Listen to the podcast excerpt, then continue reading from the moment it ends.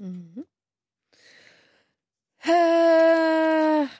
Jeg er litt tom, jeg, folkens. Sitte i tre timer sammen med Tom Stiansen, Solveig Kloppen og Einar Tørnquist. Altså et, det var som å, å ha ligge inne i et hønsehus i tre timer. Altså, Maken til kakling har jeg ikke vært eh, med på siden ja, sin uh, russetid, antageligvis. Russebil på vei til uh, landstreff. Da tror jeg det var sånn cirka så mye kakling. Så jeg egentlig er litt lei av kakling, og så lurer jeg på hvordan kan jeg toppe det hele for at det skal bli grusomt for deg.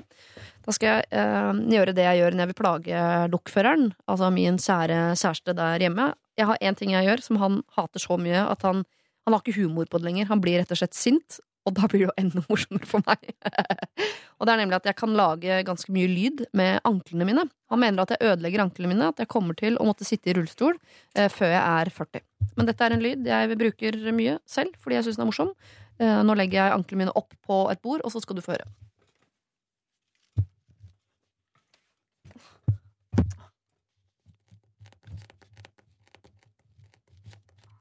Hører du det knaser i ankelen min? Den som ler sist, ler best. P3. Dette er Lørdagsrådet med Siri Kristiansen. På P3. P3. Eh, I dag eh, gleder jeg meg eh, veldig. Gjør jeg for så vidt alltid, men i dag så kommer tre av mine favorittmennesker. Solveig Kloppen elsker jeg eh, høyere enn store deler av min egen familie. Eh, det samme kan jeg si om Einar Tørnquist. Og jeg kan også si det samme om sistemann, som ikke har vært der før som rådgiver. Tom Stiansen. Alpinisten som nå er programleder for 71 grader nord. Men forrige gang jeg møtte Tom Stiansen, så sto jeg altså gråtende på en brygge utenfor Bergen iført en rosa boblejakke. Denne rosa boblejakken, for deg som er fast følge, har jeg snakket om tidligere, for det er den samme rosa boblejakken jeg satt og gråt i på et fly da jeg traff Bendik for første gang, som også har vært rådgiver her. Så det er ganske mange som har sett meg gråte i denne rosa boblejakken. Men altså, jeg hadde jo da valgt å kaste meg selv ut av 71 grader nord, fordi jeg er et skjørt og ubrukelig menneske som har lite i fjellheimen å gjøre. Og det er jo eh, Det var flaut, og det er rart jeg har snakket veldig lite om det her i Lørdagsrådet. Nå har det gått snart et år siden jeg var med der, og nesten ikke nevnt det med et ord. Verken da det gikk på TV, eller i forkant eller i etterkant. Eh, og det er ikke fordi jeg ikke har tenkt på det. Eh, det skal jeg love deg at jeg har gjort. Fordi det var jeg veld, veldig veldig glad for at jeg var med, men det var også en noe pinlig affære. Fordi både folk rundt meg og jeg selv har tenkt at jeg er en ganske sånn sterk type. Ja ja, så har du litt ekstra kjøtt på beina, men du er jo en sterk type, er du ikke det? Jeg tenkte sånn, jo, jeg er sterk. Eh, Jeg løper ikke hverken fort eller langt, men jeg er en sterk type. Jeg skal søren klatre opp et fjell og hive meg utfor et stup og padle som et lyn, jeg. Det er ikke noe problem, det. Jeg er både sterk og tøff, jeg òg. Både mentalt og fysisk og i det hele tatt, har jeg tenkt, og folk rundt meg. Alle applauderte og sa dette er noe for deg. Og så møter man seg sjæl altså så innmari i fjellveggen. Jeg ante ikke at jeg hadde så store psykiske problemer og lidelser som det. Som ble veldig klart for meg i løpet av pinlig få timer i dette programmet. Jeg elsker 71 grader nord. Jeg har sett alt av 71 grader nord og gleder meg så intenst til å være med i programmet selv. Og så faller det altså så i fisk. Men det har vært ekstremt lærerikt. Jeg har funnet ut ting om meg selv som jeg aldri har vært i nærheten av å tenke på engang. Nemlig at jeg er ekstremt ukomfortabel med alle situasjoner, både sosialt og rent sånn geografisk og fysisk. Med situasjoner hvor ikke jeg sitter på 100% kontroll og har en exit-mulighet. Hvis ikke jeg til enhver tid kan si nå er det nok, jeg vil av, jeg vil hjem, jeg vil ut av dette. Hvis ikke jeg ser den døra helt sånn tydelig foran meg, så får jeg altså så panikk. Det kan være om bord i et fly, det kan være i en reality-konkurranse, eller det kan være i en helt normal sosial setting. Og det er bare en ganske fin ting å lære seg. Men å stå gråtende på en brygge sammen med Tom Stiansen i vakkert bergensk landskap, det var både fint, eh, vakkert, trist, men også litt pinlig. Lørdagsrådet. På P3. P3. Og vi skal to uker tilbake i tid. Da var Ida Fladen rådgiver sammen med Are Kalve og Håvard Lilleheie. Vi fikk inn en mail fra Vilde. Hun kalte seg en syver på konfliktskyhetsskalaen, og det er ikke en fordel når man roter seg inn i en suppe som dette. Det hadde seg nemlig slik at Vilde hun holdt på med en gutt som hun kalte Fredrik. De var ikke sammen, eller noe sånt, eh, men de hadde vært mye sammen, for å si det sånn. Men så dro Vilde på et russetreff hvor Fredrik ikke var med, og der traff hun Jonas, en venn av eh, Fredrik, og endte opp med å rote med han. Og hun var usikker på eh, om hun skulle si noe til Fredrik, for hun var redd for å både ødelegge sitt forhold til Fredrik, forholdet mellom Fredrik og Jonas, og i det hele tatt hun hadde rota seg inn i en suppe som konfliktskyhetsfolk ikke burde befinne seg i. Det eh, jeg spurte rådgiverne om, var eh, hvem skal hun ta mest hensyn til? Fredrik, seg selv eller Jonas? Lørdagsrådet. På P3. Fredrik. Fredrik, ja. Han har jo ikke gjort noe gærent, stakkar. Så vidt vi veit. vet. Hun må gå for gråt. Altså, hun må gå til Fredrik og bekjenne sine synder med gråt. Det, det virker som om ting er veldig sånn fritt nå. Jeg tror man kan på en måte sammenligne Paradise Hotel-deltakere litt med russen. da altså at det Absolutt, kanskje det tror jeg er du litt kan. sånn Ja, men da er det jo bare å seire. Da er det jo Ja, det kan hende at det er sånn eh, Ok, det var ikke så fett, men setter pris på at du sa det. Vi setter en strek, og så går vi videre. Dette er Lørdagsrådet På P3. P3. Ida Fladen, Are Kalve, Håvard Lilleheie ble altså på mirakuløst vis enige om at Vilde burde si det til eh, Fredrik. Vi har fått en ny mail fra Vilde, og her står det Jeg fulgte rådet deres om å si til han jeg var- på dealeren med, altså Fredrik, at jeg hadde klina med bestevennen hans, altså Jonas. Da jeg fortalte han det, så sa han at det var ikke noe problem, for han hadde jo ligget med en av mine gode venninner flere ganger de siste ukene. Bordet ble altså snudd, og jeg endte opp som den som er hjerteknust. Jeg kan da ikke være alene om å synes at det han gjorde er litt verre enn det jeg har gjort, ettersom de har holdt på med dette i flere uker. Uansett endte jeg opp med å grine og slo opp med en jeg jo egentlig ikke har vært sammen med. Så det var det. Takk for råd som gjorde at jeg slapp å være sammen med en som ikke vil være sammen med meg. En stor takknemlig hilsen fra Vilde. Altså, dette her er jo helt umulig å forutsi når vi sitter og gir eh, råd. Jeg syns uansett det var riktig av deg, Vilde, å gå til Fredrik og si ifra. Da er jo i hvert fall du et klart bevis på selv om at du er konfliktsky, så er du allikevel et bedre menneske enn det Fredrik viser seg å være. Jeg sier ikke at han er en drittsekk, jeg sier bare at han befinner seg på et sted i livet hvor han tar noen valg som ikke nødvendigvis er så hensynsfulle til de som måtte befinne seg rundt han. Synd at du ble så lei deg at det var du som endte opp med å få knust hjertet, men det er fint at du allerede er der, at du ser at det var til ditt eget beste. Dette er NRK P3. God morgen. Jeg vet ikke hvor jeg skal begynne. Eh, TV 2-programleder Solveig Kloppen. God morgen. Stas at du begynte med meg. Ja. God morgen, TV 2-programleder Einar Tørnquist. Tusen hjertelig takk. Så utrolig midt på treet at jeg ble dritten i midten. Ja, det er du vel vant til. Ja. Eh, og heldigvis også en programleder fra TV Norge, som er min favorittkanal. Eh, Tom Stiansen. Tusen, tusen takk. Hvorfor er det favorittkanalen? Er det lov å spørre om det? Jeg bare syns de har morsommere ting å se på på TV der. Jeg har likt det siden starten. jeg. Enig. Mm. Jeg er også enig. Ja. Det er så mange sånne rare serier som jeg aldri har hørt. Sånn der Castle og Black Ram, Rhymes Castle er genialt, da. Jeg har aldri sett noen Blue Suits. Du, du må gi deg en sjanse, vet du. Okay. Bluesuits. CSI. Ja, CSI. CSI. Ja. Cyber, som er noe nytt. Ja, Den sesongen kunne de kanskje latt være å spille, for å være helt ærlig. Du, du har ikke vært rådgiver før, eh, Tom. Nei, Er du, tenker du at du er god på å gi råd, eller? eh, det gjenstår å se. Jeg er veldig spent. Jeg gleder meg. Men er det, kommer folk til deg? Sånn, øh, familien, for eksempel. Kommer de til deg og ber dere om råd? Jeg har jo to barn, så altså, jeg må jo ut med litt sånn faderlig råd innimellom. Så mm, ja, kanskje jeg er helt brukbar. Helt brukbar. Ja. Ja. Heldigvis. eh, Solveig er veldig, veldig god. Kjempegod. Mm, og Einar er midt på tre. det er i midten, er det ikke det? Ingen kommer og spør meg, men bortsett fra akkurat her. Er det sant? Ikke i etterkant heller? Nei, det er jo mest sånn eh, Nei, ikke råd. Nei. Hva er det verste råd du har gitt noensinne? Nei, for du har aldri gitt et Begynn råd. å røyke. Ja. Hvem, hvem sa du det til? Snarest. Nei, jeg har ikke sagt det. Du skulle ikke stilt oppfølgingsspørsmålet, for nå var det nødt avsløre at det var bare løgn. Det var en veldig god historie, det. Et øyeblikk der. Ja. Men da kan jo jeg si at eh, en onkel i vår familie har sagt til uh, dattera si Basket! Drit i det, begynn heller å røyke. Hvordan gikk det? Uh, altså, det er ikke det dummeste rådet, egentlig, for hun er 1,20 høy, så basket er en veldig dårlig idé. Men ikke noe dårligere enn røyking, egentlig. Men det blir veldig kort av å røyke. Du Er vet det det? Ja, Du slutter jo å vokse hvis du begynner å røyke tidlig. Er det sant, Ja. eller? Ja. Hvor tidlig må man begynne å røyke der, lurer jeg på. Ja, det tror jeg du må begynne når du er 1,20 omtrent. Du har røyka en del i oppveksten? eller? Er Skyter jeg her fra 1,65? Dere, Jeg pleier alltid å spørre om sivil uh, status, og så legger jeg til noen sånne ting som jeg også vil at dere skal si. Og i dag tror jeg vi skal gå for sivil status. Uh, hobby eller dille. Det kan være noe dere har drevet med i mange år, eller som dere har bare veldig dilla på for tiden. Uh, livssyn, vil jeg vite. Ikke nødvendigvis religion, men liksom syn på livet. eh, favorittmat. Det de Oi, fire. det var mye. Huske på vanskelig å huske. flere Ja. her. Ja. Skriver du ned, Solveig? Hva rekker du nå? Einar, du kan få lov til å begynne, for jeg tenker at du er den som har uh, mest klisterhjerne av oss. Ja, Som den sivil quizmaster du er. Det var det første. Mm. Ja, den er stabil på uh, samboer. Mm. Eh, barnløs. Mm. Eh. Barnløs høres så nitrist ut. Ja, men eh, enslig og barnløs høres verre ut. Når det er damer inne i bildet, så er det i hvert fall rock'n'roll. og så var det dille. Ja, Ja, det er en sjelden kombinasjon av eh, samboer og Fifa. Eh, og det å spille fotballspill i Fifa, det gjør jeg veldig mye. Ja. Eh, Men så fint at du har dilla på samboeren din. eh, dilla på samboeren, fikk jeg sagt det? Det Ja, mente altså du å spille det? Fifa.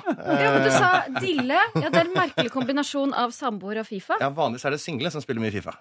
Å ah. Ja. Oh, ja. Den gikk litt over hodet på Solveig. da. Hun er jo ikke så høy.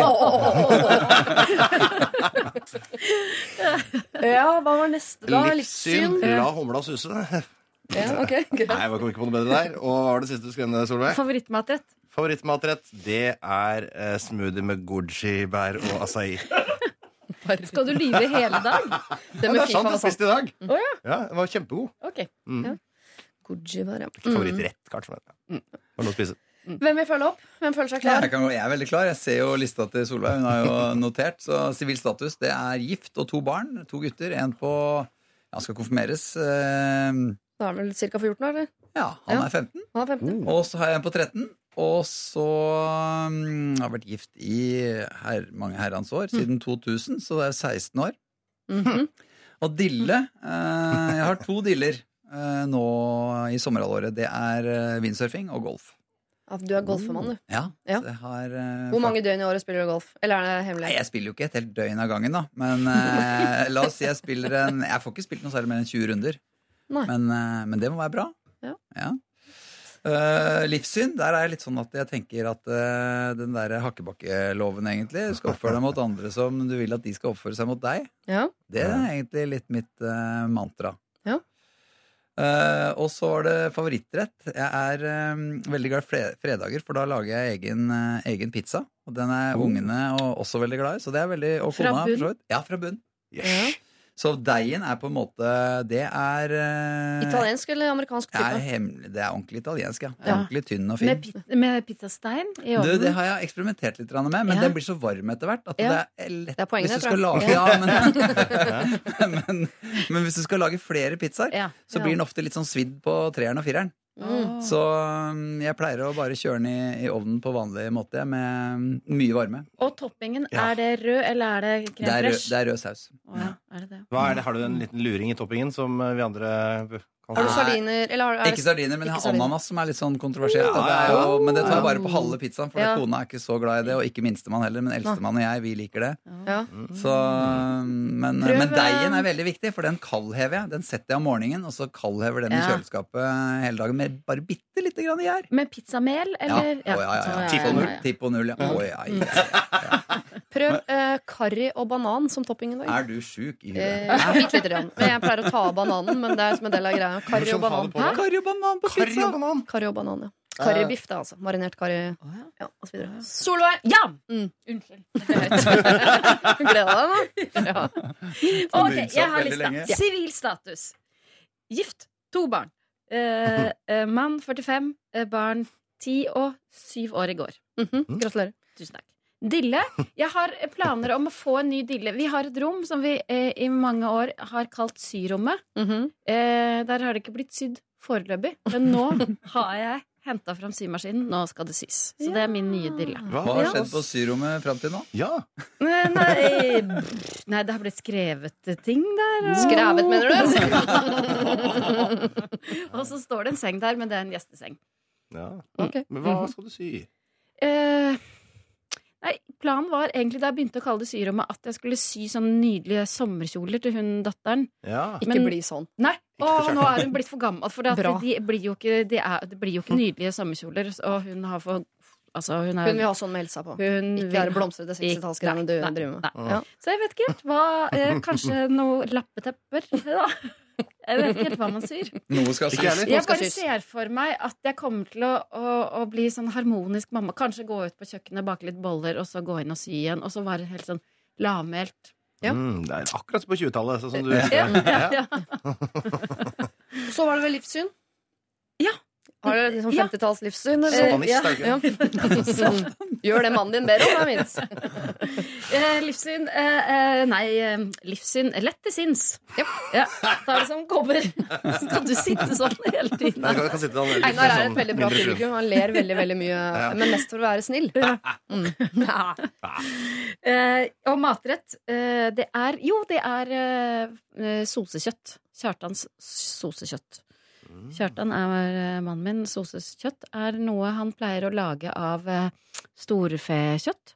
Som bare står og putrer hele dagen. Eh, i- Koker. koker, ja. I, og får deilig kraft. Og så tar man fløte og, og diverse. Det vil jeg ha. Det er så godt. Mm. Det skal jeg ha en dag. Og det gjør seg sjæl. Mm. Det Det er det som er så deilig. deilig. Det var veldig gammeldags, det du sa. Ja, jeg vet det. Men greia er med den dille at jeg skal gå, bake boller og sy og sånn. Ja. eh, Det hører jo med til historien at for da Klara var to år, så var jeg i ferd med å gå bort til støvsugeren på Snakk litt mer om det dere mens vi andre hører litt musikk her på NRK P3. Eh, Fallout Boy får vi her med Sugar We're Going Down.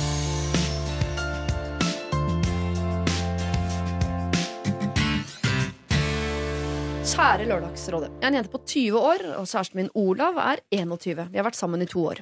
Vi har det supert sammen og har store planer om å flytte sammen. De bor for øyeblikket hver for seg. Eh, bare for å forklare det. Han er i militæret, og når de er sammen, så er de enten hos hennes foreldre eller hos hans foreldre. Så hver gang de er sammen, så er de sammen med noen foreldre også, stort sett. Problemet mitt er Olav sin far, Terje. Han er veldig dominerende og karismatisk og vil alltid legge beslag på Olav. Han ringer minst én gang per dag og trenger ofte Olav sin hjelp til et eller annet mannearbeid. Terje vil ha sønnen sin Olav rundt seg hele tiden og virker sjalu når Olav er hjemme hos meg. Hele karakteren til Terje irriterer meg mer og mer, og nå får jeg frysninger omtrent bare av å tenke på at han puster. Oi. Terje planlegger å bli med oss på reinsdyrjakt, og helst ligge i samme telt også, et tomannstelt. Jeg har gledet meg veldig mye til denne turen helt siden i fjor, og det vet jeg at Olav også har. Men det kommer overhodet ikke til å bli noe tur om Terje også blir med. Olav på den andre siden vet, jeg, jeg vet ikke engang at dette er et problem. Han sier aldri nei til hjelp for pappaen sin, og syns heller at det bare er kjekt. Han enser ikke at vi er i ferd med å bli et tremannsforhold, eller hvor obsesst pappaen hans er. Han er naturligvis glad i faren sin, så jeg har ikke sagt noe til kjæresten min om min irritasjon. Men noe reinsdyrjakt på oss tre, ja, det kan han bare glemme. Jeg har utrolig lyst til å dra sammen med Olav, og jeg vet at han har gledet seg til å dra sammen med meg også. Må jeg dra med svigerfar, eller er det en mulighet for at han kan bli hjemme? Hvordan skal jeg i så fall få til det? spør Åshild. Oi, oi, oi. Skulle bare begynne med, Er det en god idé at svigerfar er med på reinsdyrjakt? Nei. Nei. Nei. Eh, ikke hvis Hvorfor ikke? Eller altså sånn isolert sett så er det jo ikke noe i veien for det, men når problemet er så graverende som det det virker som det er, så er det jo greit å si ifra på et eller annet tidspunkt, og da kan jo den reinsdyrjakta være en fin anledning til å prøve å være litt alene. Mm. Eller til å skyte han, da, eventuelt. Men du skyter jo ikke reinsdyr, da. Det er lasso, Det tror jeg som er. Og så er det sånn slakting. Drept svigerfar med lasso. Uhell. Eller med sånn derre bolt i panna. Sånn slaktebolt. Reinsdyrbolt. Ja, for det, det visste ikke jeg, nemlig for det tenkte jeg også var en mulighet. Det husker jeg jo fra Jegerne, den filmen. For der er det vel åtte stykker Ja. som står i ring rundt en fyr og dreper. Og da er det ingen som sitter inne for mord, for du kan ikke si hvem av kulene Nei, som drepte. sant. Nei. Og alle sette inne for Reinsdyr, bare for, Det skal bli jo veldig detaljer men reinsdyr. Er ikke de alle sammen uh, mye flokker som noen passer på, da? Jo. Er det Eh, og hvor er det man drar- Men? Ja, men det. sto det reinsdyrjakt? Ja. Eller slakt? reinsdyrjakt. 14 dagers reinsdyrslakt. Det finnes jo masse villrein. men eh, jeg hadde en produsent på 71 grader nord tidligere som var veldig opptatt av reinsdyrslakt. Ja. Så jeg tenkte egentlig litt, grann, men reinsdyrjakt, ja. Ja, ja. Men uansett så tror jeg det blir slitsomt å ha Det blir, en dårlig, det blir dårlig klima i det teltet. Mm. Så hun Men- må jo si fra. Men er det ikke ofte sånn at øh, øh, når man har dårlig kjemi, så trenger man tid sammen? Så jeg tenker at kanskje Men ikke 14 dager i et telt. Nei, og det virker som de har fått nok tid sammen. Ja. Men er Olav, var Olav eh, bevisst eh, dette Olav vet ingenting. Nei, Han Olav må vel det. først inn i bildet her, da. Ja. Snakke med Olav. Snakke med Olav om, Om at 'jeg liker ikke pappaen din'. Ja, kanskje det Nei, er trenger jo ikke å si at du egentlig ikke liker den. Kan kanskje si at du syns at det blir litt mye. Man kan jo ta, han kan, altså hun kan jo, Åshild kan jo ta utgangspunkt i det, eh, den jakta. At, Ja. at, jeg tenker jo uansett hvem man ville hatt Jeg ville jo ikke hatt med noen andre i et telt i 14 Nei. dager enn enn, eh, kjæresten min. Olav må jo også sette pris på at hun har lyst til å være alene med han. Eh, Ja, så det ja. virker som de er lite alene. ja. Hørte at det var en replikk til deg, Tom Stiansen, at eh, Solveig ikke vil være med på Kjendis 71 grader. Hun. Vil ikke ha med Einar i teltet på Kjendis 71, er tror det det du sier? Thomas Olsrud. Nei takk. Så Solveig Gloppen til det. Nå kan du bare legge seg på bakken og begynne å grine. Ja, det også. kjempe Fake litt overtråkk eller eh, noen psykiske problemer. Det er jo rett rundt. Jeg, jeg pleier å liksom støtte det der med bare si det, men jeg syns det er så utrolig styrke i det gode forholdet Olav har til faren sin. Olav og Terje er et team, liksom. Mm. Det burde hun jo se på som en styrke. Mm. Jeg tror Hvis det kommer en jente inn fra siden der og, og prøver å pirke i det, så er jeg redd for at hun taper. Ja, Men det er ikke noe gøy å føle seg som tredjehjul på vogna heller, da. Og jeg syns jo han faren bør jo se sin besøkelsestid litt grann, når eh, sønnen hans er 20 år og har kjæreste, og de er sammen Han må jo også se det store bildet her, at når de er sammen, så er de enten hjemme hos hennes foreldre eller hjemme hos eh, Ja, Solveig, du rekker opp hånda. Ja. Jeg lurer på, er det ikke, en- er ikke Terje, Har ikke Terje en kone? Er det ikke en mor inne i bildet her? Kunne man gått veien da, Nå kan jeg ta noe hånda. Ja. Eh, eh, veien via henne? Går det ikke an å snakke med henne? Jeg vet ikke, jeg ser på deg som om du vet det, men eh, Skal man involvere liksom så mange som mulig i et problem? Blir ikke bare Jeg tror problemet først, større? først du må prate med, med Olav. Olav, Ja. og så forklare litt uh, Ikke nødvendigvis legge liksom lista der at hun misliker faren, sånn som hun beskrev der, for det er nok skrevet litt i affekt. Ja. Men, uh, men at hun synes, hadde satt veldig pris på å være litt mer alene med han. Mm. Og, og da høre om ikke han godeste Olav kunne snakket med Terje om det. Og det hjelper jo i hvert fall på den turen. Hvis du får til det, Ja. så er det for å se hva du gjør etter hvert, da, når resten av livet skal leves sammen Det kan jo bli utfordrende, høres det ut som. Ja, for Åshild kan legge seg litt i selene eh, og prøve å like svigerfar litt. Grann. Ja. For hvis det er en fyr hun skal ha i livet sitt eh, lenge, og det er pappaen til mannen osv., så, videre, så da man må man prøve Ja, å like og hun sier at han er karismatisk. Han bare tar my litt mye, Mye plass, plass. da, kanskje. Ja, veldig manne, mannemannete. ja. Mannemannete. Ja. det Ja. liker ikke Åshild. Nei. Men, Men det er eh, lettere å like noen hvis du ikke får overdose hele tiden òg, da. ja, det har hun nok nå. Ja, det er hun, hun er nede for telling, hun nå. Men klarer hun da å ta denne konfrontasjonen uten at det syns? Denne overdosen? Det burde hun klare. Være litt smidig der. Mm. Ja. Bare fortelle det at hun har lyst til å være litt alene med Olav. Ja, for det Ja, er jo er det beste Det er det som er argumentet fokus. Det må være lov Mhm. når du er 20 år. Og det Mhm. tror jeg selv pappa Terje kommer til å skjønne. Hvis han setter seg liksom tilbake jeg vet ikke hvor gammel han er, 25-30 år i tid, Ja. så skjønner han det. Tror du ikke det? Jo, helt sikkert. Er Men, Ville han, hatt med med. seg, ville han hatt med seg svigerfaren sin på første teltturen med kjæresten sin da han var 20? nei, men Nei. jeg tenker at det kan jo hende at Olav og Terje De har vært på reinsdyrjakt nå i ti år. Det er liksom deres greie. Og så kommer Åshild sånn inn fra sidelinja. Men hvor, lang, eh, hvor lenge er man på reinsdyrjakt? 14. To bare. uker sto det, To uker. To Ja, hvis det er to uker, så tenker jeg Det går jo Det kunne jo gått an å foreslå at eh, At første uka var det Olav og Terje, og andre uka var det Åshild og, og Olav. Mm. Ja. Du er smart, du. Oh, ja, Ja, at de bytter på ja, midten, ja. de Ja. skift, ja. Ja, Jo. En god idé. jeg syns det er en veldig veldig god idé. også, jeg syns det høres litt lenge ut med Ja. eh, 14 dager telt og reinsdyr. Det høres lenge ut i det hele tatt. I det hele to tatt. uker på reiserjakt, syns jeg. Men hvis du skal foreslå det, da må du, da må du informere Olav om at det, Terje er litt i veien her. Så at han Ja. også skjønner Ja. det. Så ikke han Ja. plutselig får seg Men jeg har fått til at fatter'n kan være med den Eh, siste uka også! ja, ja. Ja. Ja. Ja. Men aldri, ikke ett døgn med Åshild, Terje og Olav, sånn at de kan få en sånn Kan jo være til bonder ute i Jo, jo. myra der, Jo, det- liksom. Det er rart, helgen, men man liker når man først er ute i friluft. Overlapphelgen. Overlapp, ja. Ja. tar vi en sånn hyggelig middag Ja. Mm. Midt på der. midt på der. Ja. Går ut med Mm. frysninger over at han puster. Ta med seg godt med klær, så ikke fryser i hjel. For problemet med svigerforeldre Altså Svigerforeldre er jo ikke noe problem så lenge begge er enige om at de, er et, mm, at de har noen greier. Ikke sant? Hvis Einar og jeg hadde vært sammen, og jeg syns at faren hans hadde vært irriterende, så hadde han ikke vært så irriterende hvis Einar også syns det. Nei, det er viktig. Ja. Det er derfor jeg mener, for Hadde uh, Olav syntes at Terje var en irriterende Ja, fyr, så hadde det vært så hadde- lett. Ja. Men ikke Ja. gå inn og liksom peke på at en fyr er irriterende Nei. når uh, Nei, fordi- han elsker pappaen ja, sin og ikke nei, syns ikke det selv. Nei, Jeg må ikke gå den veien, må gå på det at du skal være alene. Åshild, eh, det er en maktkamp det du driver med her. Du vil ha Olav, Terje vil ha Olav. Og vi tenker at dere kan få litt Olav begge to. At det er nok av Olav til at dere kan eh, dele. Eh, så prøv å ta på Olav dette med at du vil ha han litt for deg selv. Du vil dra på denne teltturen sammen med han alene. Og ikke ta med all denne irritasjonen som ligger på Terje. Så kan dere jo dele opp, da. Først litt Terje og Olav, så litt deg og Olav, og så en liten sånn felles helg midt på der. God tur!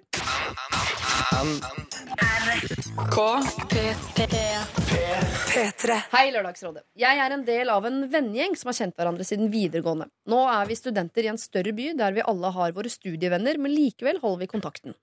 I gjengen er blant annet en av mine beste venner fra videregående. La oss kalle henne Laila. De siste månedene har jeg merket at de andre møtes uten at det nevnes for meg. Jeg finner stort sett ut av det ved at jeg melder med Laila. Jeg sender for eksempel 'Hei, hva skjer? Skal vi finne på noe?' Eh, hvor hun typisk kan svare noe sånt som eh, 'Hei, kan ikke hele gjengen henger hos meg'. Dette gjør at jeg føler meg veldig ekskludert og lurer på om jeg har gjort noe galt. Jeg fikk også vite at de hadde en felles chat der de snakker sammen om når de skal møtes og hvor osv. Jeg ba om å få bli med i denne chatten, og jeg ble lagt til. Men så senere fikk jeg vite at de da har opprettet en ny chat uten meg. Nei, guri. Problemet er at det er Laila som oftest tar ansvar for at folk skal møtes. Det kan virke som om hun bevisst lar være å invitere meg, og jeg tror ikke at de andre i gjengen tenker så mye over det. Sant skal sies, de er gutter, så de tenker vel ikke så mye i det hele tatt. Når de andre Når de andre ikke kan eller er tilgjengelige, er Laila veldig interessert i at vi skal møtes. De andre møter meg gjerne også, og vi kan tilbringe hele dager sammen. Men når Laila inviterer hele gjengen til noe, så blir jeg altså ikke invitert. Det virker litt som hun er sint på meg for noe, men det er så rart når hun da vil henge med meg alene av og til. Jeg vil bli inkludert, men det å be om å bli lagt til i en felleschat en gang til, nei, det burde ikke være nødvendig.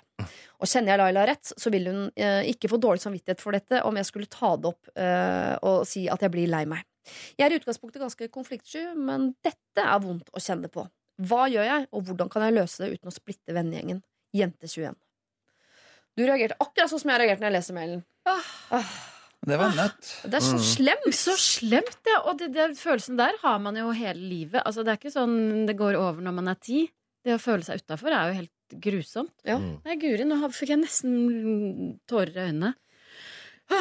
Men det er nesten, jeg, ble, jeg ble litt overrasket når det viste seg at det var en gjeng full av gutter. For dette er sånn Men var det klassisk gutter og jenter?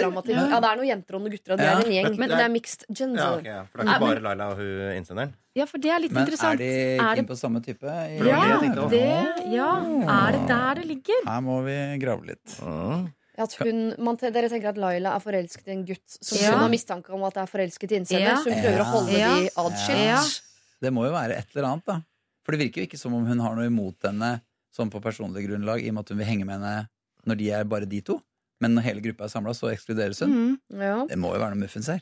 Men i så fall så ville vel den eh, gutten da sikkert kontakta innsender eh, i en privatchat. Eller et eller hvis, det var, hvis han var forelska i henne. Ja, men det er ikke sikkert Ja, at det det det er er ikke så han er, vet. Nei, ikke Hun sant? bare beskytter Det kan være i Lailas hode òg, det. Mhm. Ja. Det er Det er en god altså. teori. Det kan jo hende, altså, man er jo alltid på, uh, på lag med den som sender, men det kan jo hende at hun som sender inn også er veldig hyggelig alene, men i en gruppe så blir hun kokkelig munke. Ja, altså, jo. prøve å spørre seg selv om hun har gjort noe som eh, skal rettferdiggjøre at hun blir holdt utenfor på den måten der. Mm. Og har hun ikke det, så hun må jo nesten bare spørre Ja, for her Laila, da. er det vel bare én ting å gjøre, og det er å snakke med Laila. Men så skriver hun at hun tror ikke Laila tar seg nevneverdig nær av jeg tror ikke at hun skal få noe særlig dårlig samvittighet for dette. Nei, nei, Nei, men, men det, poenget er ikke ikke å gi henne dårlig samvittighet heller, nei. Nei. Poenget er jo bare å få klarhet i hva, hva er det som skjer. Ja. Mm. Gå fram på en veldig ydmyk måte og si at man er lei seg. Ja. Det er en veldig Ja. fin greie å begynne med. Ja. Mm. At dette her sårer meg, liksom. For det er jo Det er jo veldig sårende. Ja. Det går også an å snakke med en helt annen i gruppa der òg. En sånn tilfeldig utvalgt, en, en av gutta. En som kanskje ikke er så nær. Og så spørre bare rett ut. Er det noen grunn til at jeg ikke får være med på de chattene? Sånn, sorry, Mm. jeg bare Ja, fordi eh, Nå kjenner jo ikke jeg Laila godt, det er det jo ingen av oss her som eh, gjør, men det virker jo som hun sitter på sånn eh, ufornuftig og usunt mye makt i denne vennegjengen. Mm. Og alle gjenger har jo ofte en sånn, en Mhm. sånn uh, som er Hvem er de, i vår hvem sånn, er det i denne firerbanden? Det er meg. Ja, Ikke sant? det er det. Ja, ja, Det er usunt, det er det. Ja, det er usunt. Det er Vi andre chatter mye om det. Vi Det er har en derfor det er så deilig gruppe. at jeg er bare sau i flokken på alle andre arenaer i livet. Så at jeg kan få uh, kost meg skikkelig her. Men ehm, eh, jeg bare lurer på om det kan være smart, nemlig å ikke tale med Laila, for da gir man jo Laila bare enda mer makt. At hun skal få lov til å styre hvem som Ja. er med og ikke med, og hvem som har kontakt og ikke kontakt. Og, og skal tale med en av gutta. Mm. Eller blir det verre da? Gutter er kan jo ofte være enklere.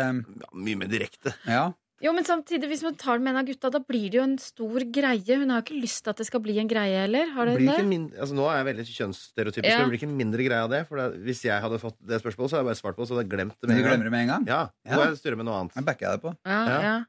Jeg lager ikke noe, på en måte, noe mer eh, ut Nei, men alle er jo ikke som deg. Nei, det er sant. De fleste gutter er som Einar. Å ja. Er det, å, ja. Ja, Ja, begge de to her er det. Sier du det? Er det så like, To av to. 100% alle med, Alle menn er faktisk akkurat sånn. Ja, Så kanskje det er en eh, eh, deilig måte å gjøre det på. At hun slipper å ta det med Laila en gang til, som uansett ikke får dårlig samvittighet. Mm. Eh, For hun hadde det noe er med noe- Laila allerede. Ja, det er det hun har gjort. Og det er noe med å krype Ja, det var det, liksom to ganger. Ja. Nei, det skulle ikke være nødvendig å komme inn en gang til nei, på grunn av den der chatten Nei, men- og spørre. Ja, men jeg tenker Nei, jeg tenker ta det med Hun, hun skriver jo at Laila er bestevennen hennes, gjør hun ikke det? Skriver jeg det? Beste venninne fra videregående. Ja. Og de var 20. Ja. Ja, hun ikke har møtt siden det var en siden, mye mye hyggeligere jente på, ja okay. på universitetet. Ja. De er veldig hyggelige på Eller Ja.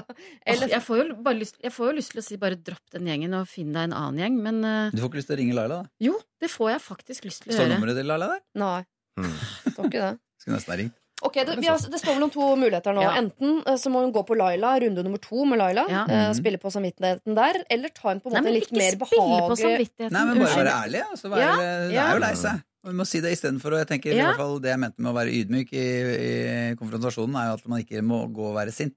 Nei. Man må liksom bare si det som det er. At dette her sårer meg litt. Hva er det som skjer? Hvorfor? Mm. Hvis ikke det fører noe hos deg, så får hun prøve Tørnquist-metoden, som vi har begynt å kalle det. Ja. Ja. Kan vi det? Ja. Den er vanlig som ikke sender et nettverk av løgner. Det er deg og Else Kåss som alltid tenker at løgn er den beste utveien på det meste. Nei, det var ikke løgn. Det var bare en, en litt sånn via gutte, guttedelen av gjengen. For hun sier at hun er passe konfliktsky, noe jeg egentlig ikke tror på. For hun har allerede snakket med Laila. Det ville aldri jeg gjort. Så allerede Men er der jo er hun noe konflikt. Ja, Det må jo være det et eller annet sted her. Jo, men, ja. men altså, det er jo, å ta det opp vil jeg jo ikke se på som noe konflikt. Det er jo mer bare en sånn der betroelse og ærlig sak. Altså, hva er det for en gjeng, da? Ja. Som, Men ringe oss og henge med oss i stedet. ja, som, som oppretter grupper, og så lager Ja. en ny en for at hun ikke skal få være med. Ærlig talt, den gjengen fin, ah, Det fins Ja, men- da så mange andre hyggelige gjenger som du kan være en del av. Men du må finne ut om det er gjengen eller om det er Laila, da.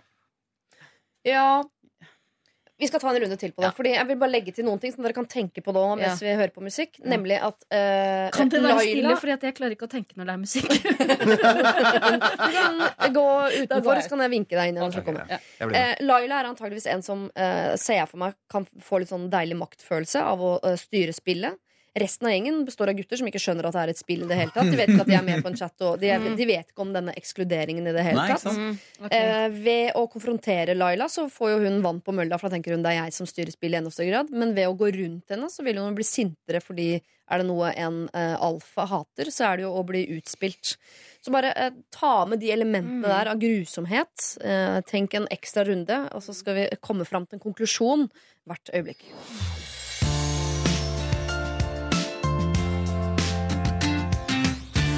Har dere tenkt noe mer? Det er veldig rart hvis ikke jeg skulle velge til Ja, jeg tror også kanskje på den, altså, i og med at hun har tatt en runde med Laila Laila Mhm. i Gåstein uh, tidligere. Mm. Så um, hva sier du, Solveig? Nei, jeg har egentlig da mest lyst til å si bare finn deg en annen gjeng. Ja. Men så er det kanskje litt sånn feigt, og da går man ut og er litt sånn sur og sint. Og eh, det er jo ikke Det er ikke lett heller, alltid. Hæ? Det er ikke så lett heller. Nei. Bare finn deg en ny vennegjeng. God tur. Eh, så vet du hva? Eh, jeg er tilbøyelig til å snu og si OK, snakk med en av gutta, da. Ta Tørnquist-metoden. Men hvis ikke det funker, nei, da finner du deg en annen gjeng. Ja, Det er jeg Kloppen-metoden. Bytte ut vennene så ofte som mulig. Jo, men det, er jo en uh, trøst, da. Eh, hun studerer i en større by hvor Ja. hun har andre studievenner. Sånn. Dette er den gamle gjengen, Ja. de holder kontakten. Ja. Og jeg, må, jeg fikk et veldig godt råd av en veldig god venninne for noen år siden. For jeg, jeg kunne typisk vært jente 21 dette, som er sånn sår på vennegjengen og bitter og kjører hersketeknikk, og så skal ikke jeg Veldig Ja, glad i ja. spill og drama og gråter og sånn. Uh, og da sa min venninne sånn Ikke bruk så mye energi, eh, energi på å tenke hvor Altså, hvem er du i deres øyne? Bare plasser de i deres øyne. Hvem er de? ja. Og gi de på en måte mindre makt på en eller annen måte. Bare tenk Ja. på at det er hyggelig å se når du ser dem, men ikke gi de den makten at de skal bestemme hvem du er. Vær deg sjøl. Det, ja, og det er ganske Ja. Det var deilig. godt råd. Ja. Ja. Veldig Så godt du kan råd. velge å gi helt F også. Gjør folk det? Mm. Altså. Ta stilling til hvem andre syns at de er. Ja, men, det, men fordi at Masse. det er sånn, sånt gjør Det er sånn jentegreie, tror Ja, det er Nei. helt Det er en tanke som aldri har slått meg engang. Ja? Jeg er da, jeg er da populær. Du sitter da her sammen med meg, tenker jeg. Da er jeg jo populær. Men det er så deilig med dere gutter, for dere er glad for å treffes. Men så har du sånn som meg, som er eh, Jeg er så hyggelig å treffe folk, men jeg blir mer sur for at ikke har truffet hverandre før. Nei, nei, nei, nei, nei. nei fader heller. Sånn er det skam, dette her. Nei. Og det er også sånn der liksom eh, Hvis man liksom ikke Nei, er så dårlig til å holde kontakten og sånn, det er ingen som, ingen som ringer meg. Mm. Jeg tenker, ja, men ring sjæl, da vel. Ja, Faen, ta ja. telefonen Ja, jeg ringer her. Herregud. Jeg er jo sånn telefonterrorist, jeg. Ja, og de beste vennene er jo de som For det, det hender jo at man er litt dårlig til å ta kontakt. Og så går man og gruer seg litt til å ringe, og så er det så deilig da Gruer seg til å ringe. Jeg gleder meg til å ringe alltid. Det, jo, ja, Rar men hvis man tenker sånn Uff, nei, nå har jeg litt dårlig samvittighet, jeg burde ha ringt tidligere. Da er det veldig deilig hvis den, den, den andre enden sier så hyggelig at du ringer. Ja, men det er en Ikke- selvfølge. Ja, Mm. ja, ja. Jeg var sånn, jeg var irritert for at jeg, tok, jeg glemte å ta med sånn handsfree-plugger, sånn at jeg kunne ringe noen kompiser når jeg sykla hjemmefra og ned hit nå. Jeg liker Ja. å ringe folk jeg, når jeg er på farta. ja. Jeg ringer alltid. Hvem ringer du da? Jeg ringer en kompis som heter Åge. Mm. Åge. Ja, Åge, hallo, Åge. Har du fått ut sykkelen? Ja, ja, så ringer jeg Harald, og så ringer jeg Einar. Og jeg holder på. vet du. Jeg har en sånn ringeliste. Christian og Åge, Harald og Einar. Ja. Jan Einar. Ja, Ja, Einar. ja, Einar. ja. Thorsen? Thorsen, ja. Er det Jan Einar Thorsen? Ja, ja, ja. Altså, ja. rett før jeg kom. Er det sant? Ja. Ja. Det er bra, men. Er det det? Ja. Gikk på fysioterapi sammen med kjæresten. Ja, gjorde det? Fantastisk. Ja, Åssen er det med dem, da? Ja, det er bare bra. Vi skal på middag til dem på søndag. Er det sant? Ja, Solveig, bli med. Du blir med. Ja, skal være med, Solveig? Har du tid i morgen? Ja. Klokka seks? Ja, takk. Ja, det er bra. Rett CC Vest. Nå blir jeg Da har vi veldig Einar, har du lyst til å være med òg? Altså, nå blir jeg veldig usikker på hvorfor de ikke inviterer meg. Ja, men Einar, du kan komme hjem til meg på middag i morgen. ja, men nå blir du veldig makt eh, i Nå vårt blir forhold. du Laila. Rett før så ringer og jeg sier du kan ikke komme allikevel. Klikk. Ok, Jente 21. Det er ikke meningen å fjase bort dette, men som du hører, så har jenter og gutter et helt forskjellig syn på dette her. Så hvis du har lyst til å snakke med noen i gjengen, så er det en god idé som å ta Einar-metoden. Snakk med en av gutta. De har en mye mindre komplisert versjon av dette, og er egentlig de som antakeligvis kan svare på spørsmålet ditt. Men ikke gi Laila så mye makt. Bare Det beste er å tenke mindre på det. Ja, Ja, Einar. Vær litt forsiktig med åssen du sier det, for det går veldig kort tid til han blir forelska i deg. Det tar bare fem til ti sekunder med feil Med for, uh, fortrolig blikk. Forhud? Tenk på- Nei, forhud! Det var du som sa det. Nei, for, Fortrolig fortrolig blikk. blikk. blikk Å, ja, ja, for sånn uh, åpne seg. Å ja, okay, okay. Samme ok, Samme ok. grent. sekunder Oi. Lykke til, Gutter jente 21. Hvis du som hører på har et eh, annet problem, så send det inn til oss. lralfakrøll. nrk.no er adressen. Lørdagsrådet med Siri Kristiansen. På P3. P3. Vi har hørt Kråkesølv, og nå skal vi gi råd til en gutt 25 som heter Torbjørn. Med Kan jeg bare rette opp i noe? Ja. For jeg blanda Jan Einar Thorsen med Asgeir Lindberg. Det seg. Det er Ja. veldig vanlig. Ja, for jeg stussa litt at Ja. eh, har hun tatt fysioterapi, Nei kona til Jan Einar, men, eh, Det var kjæresten men til Asgeir Lindberg. Berit Hagemoen, vet du. Ja. Men nå Hei, er altså Hei, Berit. Torbjørn, eh, gutt Torbjørn 25. Kunnskapsminister, kanskje? Også. Absolutt ikke. Nei, han Men har mye, mye han gått på fysioterapi sammen med kona til uh, Asgeir Lindberg? Ah, I så fall er det en tredje utdannelse, for det er to andre utdannelser han står Oi. mellom her. Så det, få høre. det ville vært et ekstra element i så fall. Ja. For mitt problem går ut på livsvalg, skriver han. Jeg er 25 år gammel gutt, oppvokst på gård og har alltid hatt en plan om å overta familiegården som har vært i slekta siden 1600-tallet. Oh. Jeg er utdannet bonde, og om jeg skal ta over, så må jeg gjøre det innen tre år. Det er noe jeg ønsker, men jeg har også en drøm om å bli ambulansepersonell. Dette er en treårig bachelor og vil mest sannsynlig gå på bekostning av familiegården som faren min driver i dag. For å sette det i et fremtidsperspektiv er bonde et hardt yrke med mye motgang og hardt arbeid for en utrygg framtid i landbruket, men viderefører jo allikevel da familiens verdier fra 1600-tallet. Kontra ambulansearbeider, som er et sikkert yrke, det er godt betalt, og det er et verdsatt yrke. Pluss at Jo har vært en drøm i mange år. Hva syns dere jeg burde gjøre? Hilsen Torbjørn. Sier at det er et verdsatt yrke, ambulansesjåfør. Det er det jo, men eh, bonde er jo ikke noe dårlig yrke, det heller. Nei, det er fint, Og det. jeg syns jo det er jo fantastisk å kunne føre en sånn tradisjon videre. Mm. Ja. Jeg også Men jeg skjønner jo også at han føler at det er liksom veldig press på han da, å ta over. Er han eneste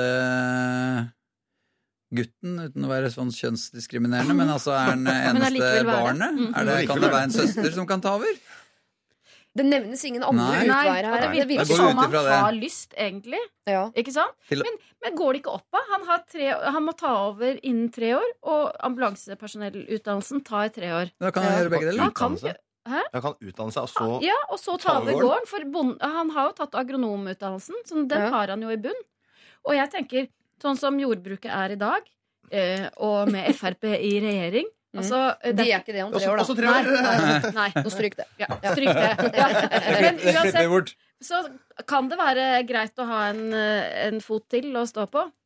Ikke Ja. sant? Altså Ja. Ja, men det er virker det litt rart. Det ser ikke ut som Senterpartiet skal ta over heller. Eh, Sponheim, kommer ikke han tilbake snart? Men hva er vitsen med å utdanne seg til ambulansepersonell hvis du skal ta over familiegården? Jo, nei, Ja. men jeg tenker at da er det mulig å jobbe litt med begge deler. Jeg er er helt ikke enig det? med Kloppen. For Det det er en variasjon. Men Hvor du det- kan jo sikkert eh, få, va- altså, sette bort litt grann av gårdsdriften. da Ja, få en Er ikke det vanlig? Er ikke det veldig populært? Det er veldig Forpakte bort, er det Ja, ikke det heter? ja. Ja. Det er veldig vanlig populært. Ja. Sa Torbjørn noe om, hva, sla- om det var korn, eller var det dyr, eller? Nei. Vet ikke. Står det ingenting om. Dyr er jo selvfølgelig pes. Ja. Men uh, kan jo leie inn folk òg, da. Hvis han Ja. har mer lyst til å drive. Så får han liksom både i pose og sekk. ja. Og nye venner. Men eh, det er jo, det er jo litt forskjell på om dette her er i indre Karasjok, eller om det er i utkanten av Oslo. Mm. Hvor, hvor er nærmeste liksom, eh, Ambulansesentral. ambulansesentral? Ja, hvis de ikke har det indre Karasjok Hvis de ikke har ambulanse i indre Karasjok, så er det jo på tide at de får uh, Ja, da syns han skal få, få opprette seg. sitt eget ambulanseselskap. Privat ambulanseselskap. Du har egne farger som alltid kommer litt før de andre eh, ambulansene. Det er så lurt. Tenk på det, du. Kanskje vi kan få uh, smidd inn litt grann den første gullmedaljen til Aksel Lund Svindal i motor. Ja, ja, ja, ja, ja. Fortere, skjønner Hvis. Frp blir sittende i regjering, så er jo det en mulighet for, for å Men det det står om her, er jo å uh, føre familietradisjonen videre, eller Mm. følge sin egen drøm. Og det virker som dere er vekta ganske tungt mot å følge, føre familietradisjonen videre. Eventuelt kjøre en kombo Ja, hvis det lar seg gjøre sånn geografisk og Jeg er veldig på kombo, både fordi at det- det er sikkert litt ålreit uh, å ha veldig varierte arbeidsdager. Og kunne ja, drive litt med forskjellige ting. At det ikke blir bare det ene. Og så særlig i og med at han har den drømmen. da Ja. Da er det dumt å stagge den, og så gå og angre på det resten av livet. Hvis han nå har tre år. Hvis jeg Men hvorfor har han akkurat bort tre år? Er Jeg vet ikke. Jeg Hvis han her bort. melder seg på Jakten på kjærligheten, bonderomantikk, Ja. som med drøm om å være eh, Ambulansesjåfør. ambulansesjåfør altså, For et medmenneske! Ja. Og har en fantastisk gård fra 1600-tallet. Ja. Altså, det kommer til å altså, Linni Meister kommer til å slippe alt du har i hendene. Ja. Elin Tvedt tok jo og ringte en av disse her eh, jaktenbøndene. Ja, jeg er sammen med en av de nå. Er ikke hun sammen med Kristian Valen? Nei, nei, det er jo 100 år siden. Ingen er sammen med Kristian Valen. Ja, det er sl- slutt med han og dama. Men jeg røsker bort muligheten for å kombinere her, bare for Å, ja. å tvinge dere Å, til å ta et Oh. eh, valg. Eh, det står mellom drømmen og å videreføre familiearven. Hvis det hadde vært meg, så hadde jeg gått for drømmen, men i og med at det er han, så syns jeg han skal holde tradisjonen. det er hyklervesenet. Ja, ja. Jeg er jo en nostalgiker, så jeg tenker gå for uh, gård. Ja.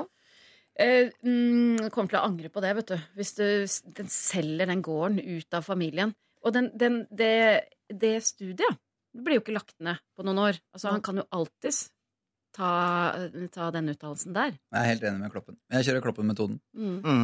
Det er tre for eh, bonde her. Mm. Så det, jeg trodde faktisk dere skulle havne på ambulanse, for han har sagt sånn Men jeg har innmari lyst til å jobbe med noe innen media. Så da, liksom, da tenkte jeg at dere kom til å velge bonde.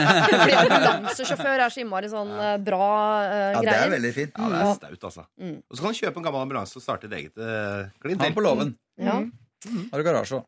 Kjære gutt 25, Torbjørn, vi har tatt et livsvalg for deg. Du skal altså ta over gården til din eh, far, og det er jeg helt sikker på at han setter pris på. Og klarer du ikke å legge fra den ambulansedrømmen eller kombinere den med eh, å være bonde, eh, ja, så er det jo ikke for seint å snu om noen år heller. Lykke til. Dette er er P3. Vi har hørt eh, Martin Solveig sammen med TK Maids. Do It Right synger de. Det er ukas låt her på P3. Og før det altså Kygo sammen med Labyrinth og deres Fragile. Hvorfor har du hånda i været? Så du Martin Solveig? Ja, jeg sa Martin Solveig. Det er ikke greit. Jeg trodde det var en innsender, men så var det en som hadde lagd en låt. Den låta vi nettopp har hørt. Ja, bra. Solveig. Martin Solveig, ja. Mm. Det er også spesielt. Han er ja. Så Solveig er tydeligvis også et etternavn, da, Solveig. Ja. Så du kunne hett Solveig Solveig Solveig. Solveig. Mm. Er? Jeg kjenner en som heter Frode Hilde. Er han familie med Tom Hilde, skihopperen? Nei, det tror jeg ikke, men det er også spesielt. Men Tom er jo veldig fint. Veldig flott Mm, navn. Hilde derimot, så som så. Dere lar både Tom og Hilde og Martin og Solveig la alt ligge. Vi skal eh, Frode, hjelpe en Frode kan være med. Han kan være med. Lindeberg fra stad. Anders Lindeberg. Asgeir Lindberg, Berit. Jan Einar Thorsen hadde Solveig lyst til å prate litt mer om. Men la oss fokusere på Niklas, som er altså han som har sendt inn problemet. Han er en gutt på 23 år som er sammen med en jente på samme alder. Mm. Vi har vært sammen i et par års tid og har det veldig fint sammen. Problemfritt og deilig. Bortsett fra når hun er på byen og blir tilstrekkelig full, for da skal hun på død og liv fortelle meg at hun elsker meg. Ja. Nå tenker dere kanskje det er jo bare fint og flott, eh, men eh, det vet jeg ikke om jeg syns. Jeg ser på de ordene som noe som bør spares og voktes, og som man skal være litt forsiktig med å slenge ut bare fordi man har det fint sammen. Det betyr da mer enn det. Jeg sier ikke at jeg ikke elsker henne, men jeg føler meg ikke klar for å si det tilbake. Så hver gang hun har sagt dette, da, som er da en håndfull ganger, så blir jeg stressa, og det er jo kleint når jeg svarer «Øh, takk. Eh, er det jeg som er rar, eller er det hun som er litt prematur? På forhånd, tusen takk for svar. Jeg, jeg er veldig glad i dere, Niklas. Morsom type, da. Ja, veldig. Og hyggelig at den er glad i oss. Ja. Mm, Vi er glad i deg òg, Niklas. Vi elsker deg. Vi elsker deg. elsker, jeg elsker deg. Det er litt tidlig. Og Solveig. Er veldig full, så er Jeg tenkte å ta en runde på hvor komfortable dere eh, er selv med å slenge rundt dere med 'jeg elsker deg'.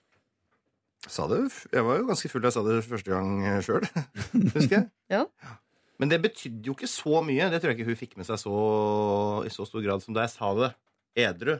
For da, ble, da, er, det en, e- da er det en egen setning. Mm. Ja, for fylla er noe av problemet her. At det Det sies i tror jeg fylla. også. Ja. Mhm. Jeg tror han er litt sånn lei av at hun liksom sier det da.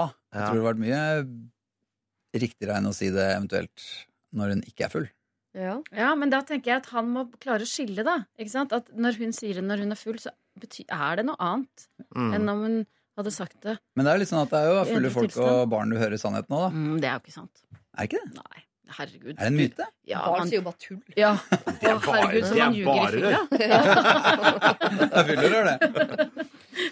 Men jeg tenker jo også når hun kanskje har «Øh, 'Jeg elsker deg' i fylla, så er det jo et litt Ja. uttrykk. Det er jo ikke den derre Nei. Når Nei. du sier det Chatem-situasjonen. sånn. Når du sier det sånn. Så jeg tipper at hun har vært i baren og sier sånn 'Jeg elsker Tequila!' Og 'Jeg elsker denne låta!' Oh, elsker. Det er liksom noe hun slenger rundt seg. Måten hun snakker på, Hilsen ja. Martin Solveig-låta. Men det er jo samme som når du sier at du er rasende forbanna i fylla òg, så er det ofte ikke fullt så viktig som når du sier det når du er edru. Alt får liksom litt mindre verdi. Mm. Ja, Man snakker jo overskrifter når man er eh, full. Ja, Blir ting forsterka, ja. Ja, det gjør det, ja. Akkurat, ja. Så øh, Nei, jeg veit ikke. Men er dette så farlig? Kan ikke hun Kan ikke la dette gå? Og så kommer det vel når du er edru en gang òg, kanskje? Men jeg skjønner at han syns det er kleint å si, liksom stå der og si enten takk eller noe som er enda kleinere, og så sier hun sier 'jeg elsker deg', og så sier han ja. Ja. Det er altså litt knippent. Ja, For han, hun setter han, han, si i det en ganske van, vanskelig situasjon. Men er ikke han full, da? Ja, var det er full? Ja, For da er driter jo han i det. Hvis han er full, så er det jo, da sier vel han det òg. Jeg vet ikke hvor jeg får det fra, men jeg tipper at Niklas er en litt mer ryddig type enn hun. Ja. Se for Det han høres er, eh, det er han der eh, stille, ordentlig, fine fyren. Og så er hun sånn artig jente som vaser rundt i Ja, miniskjørt. litt sånn Solveig. Ja. Det er Solveig Kjartan, dette.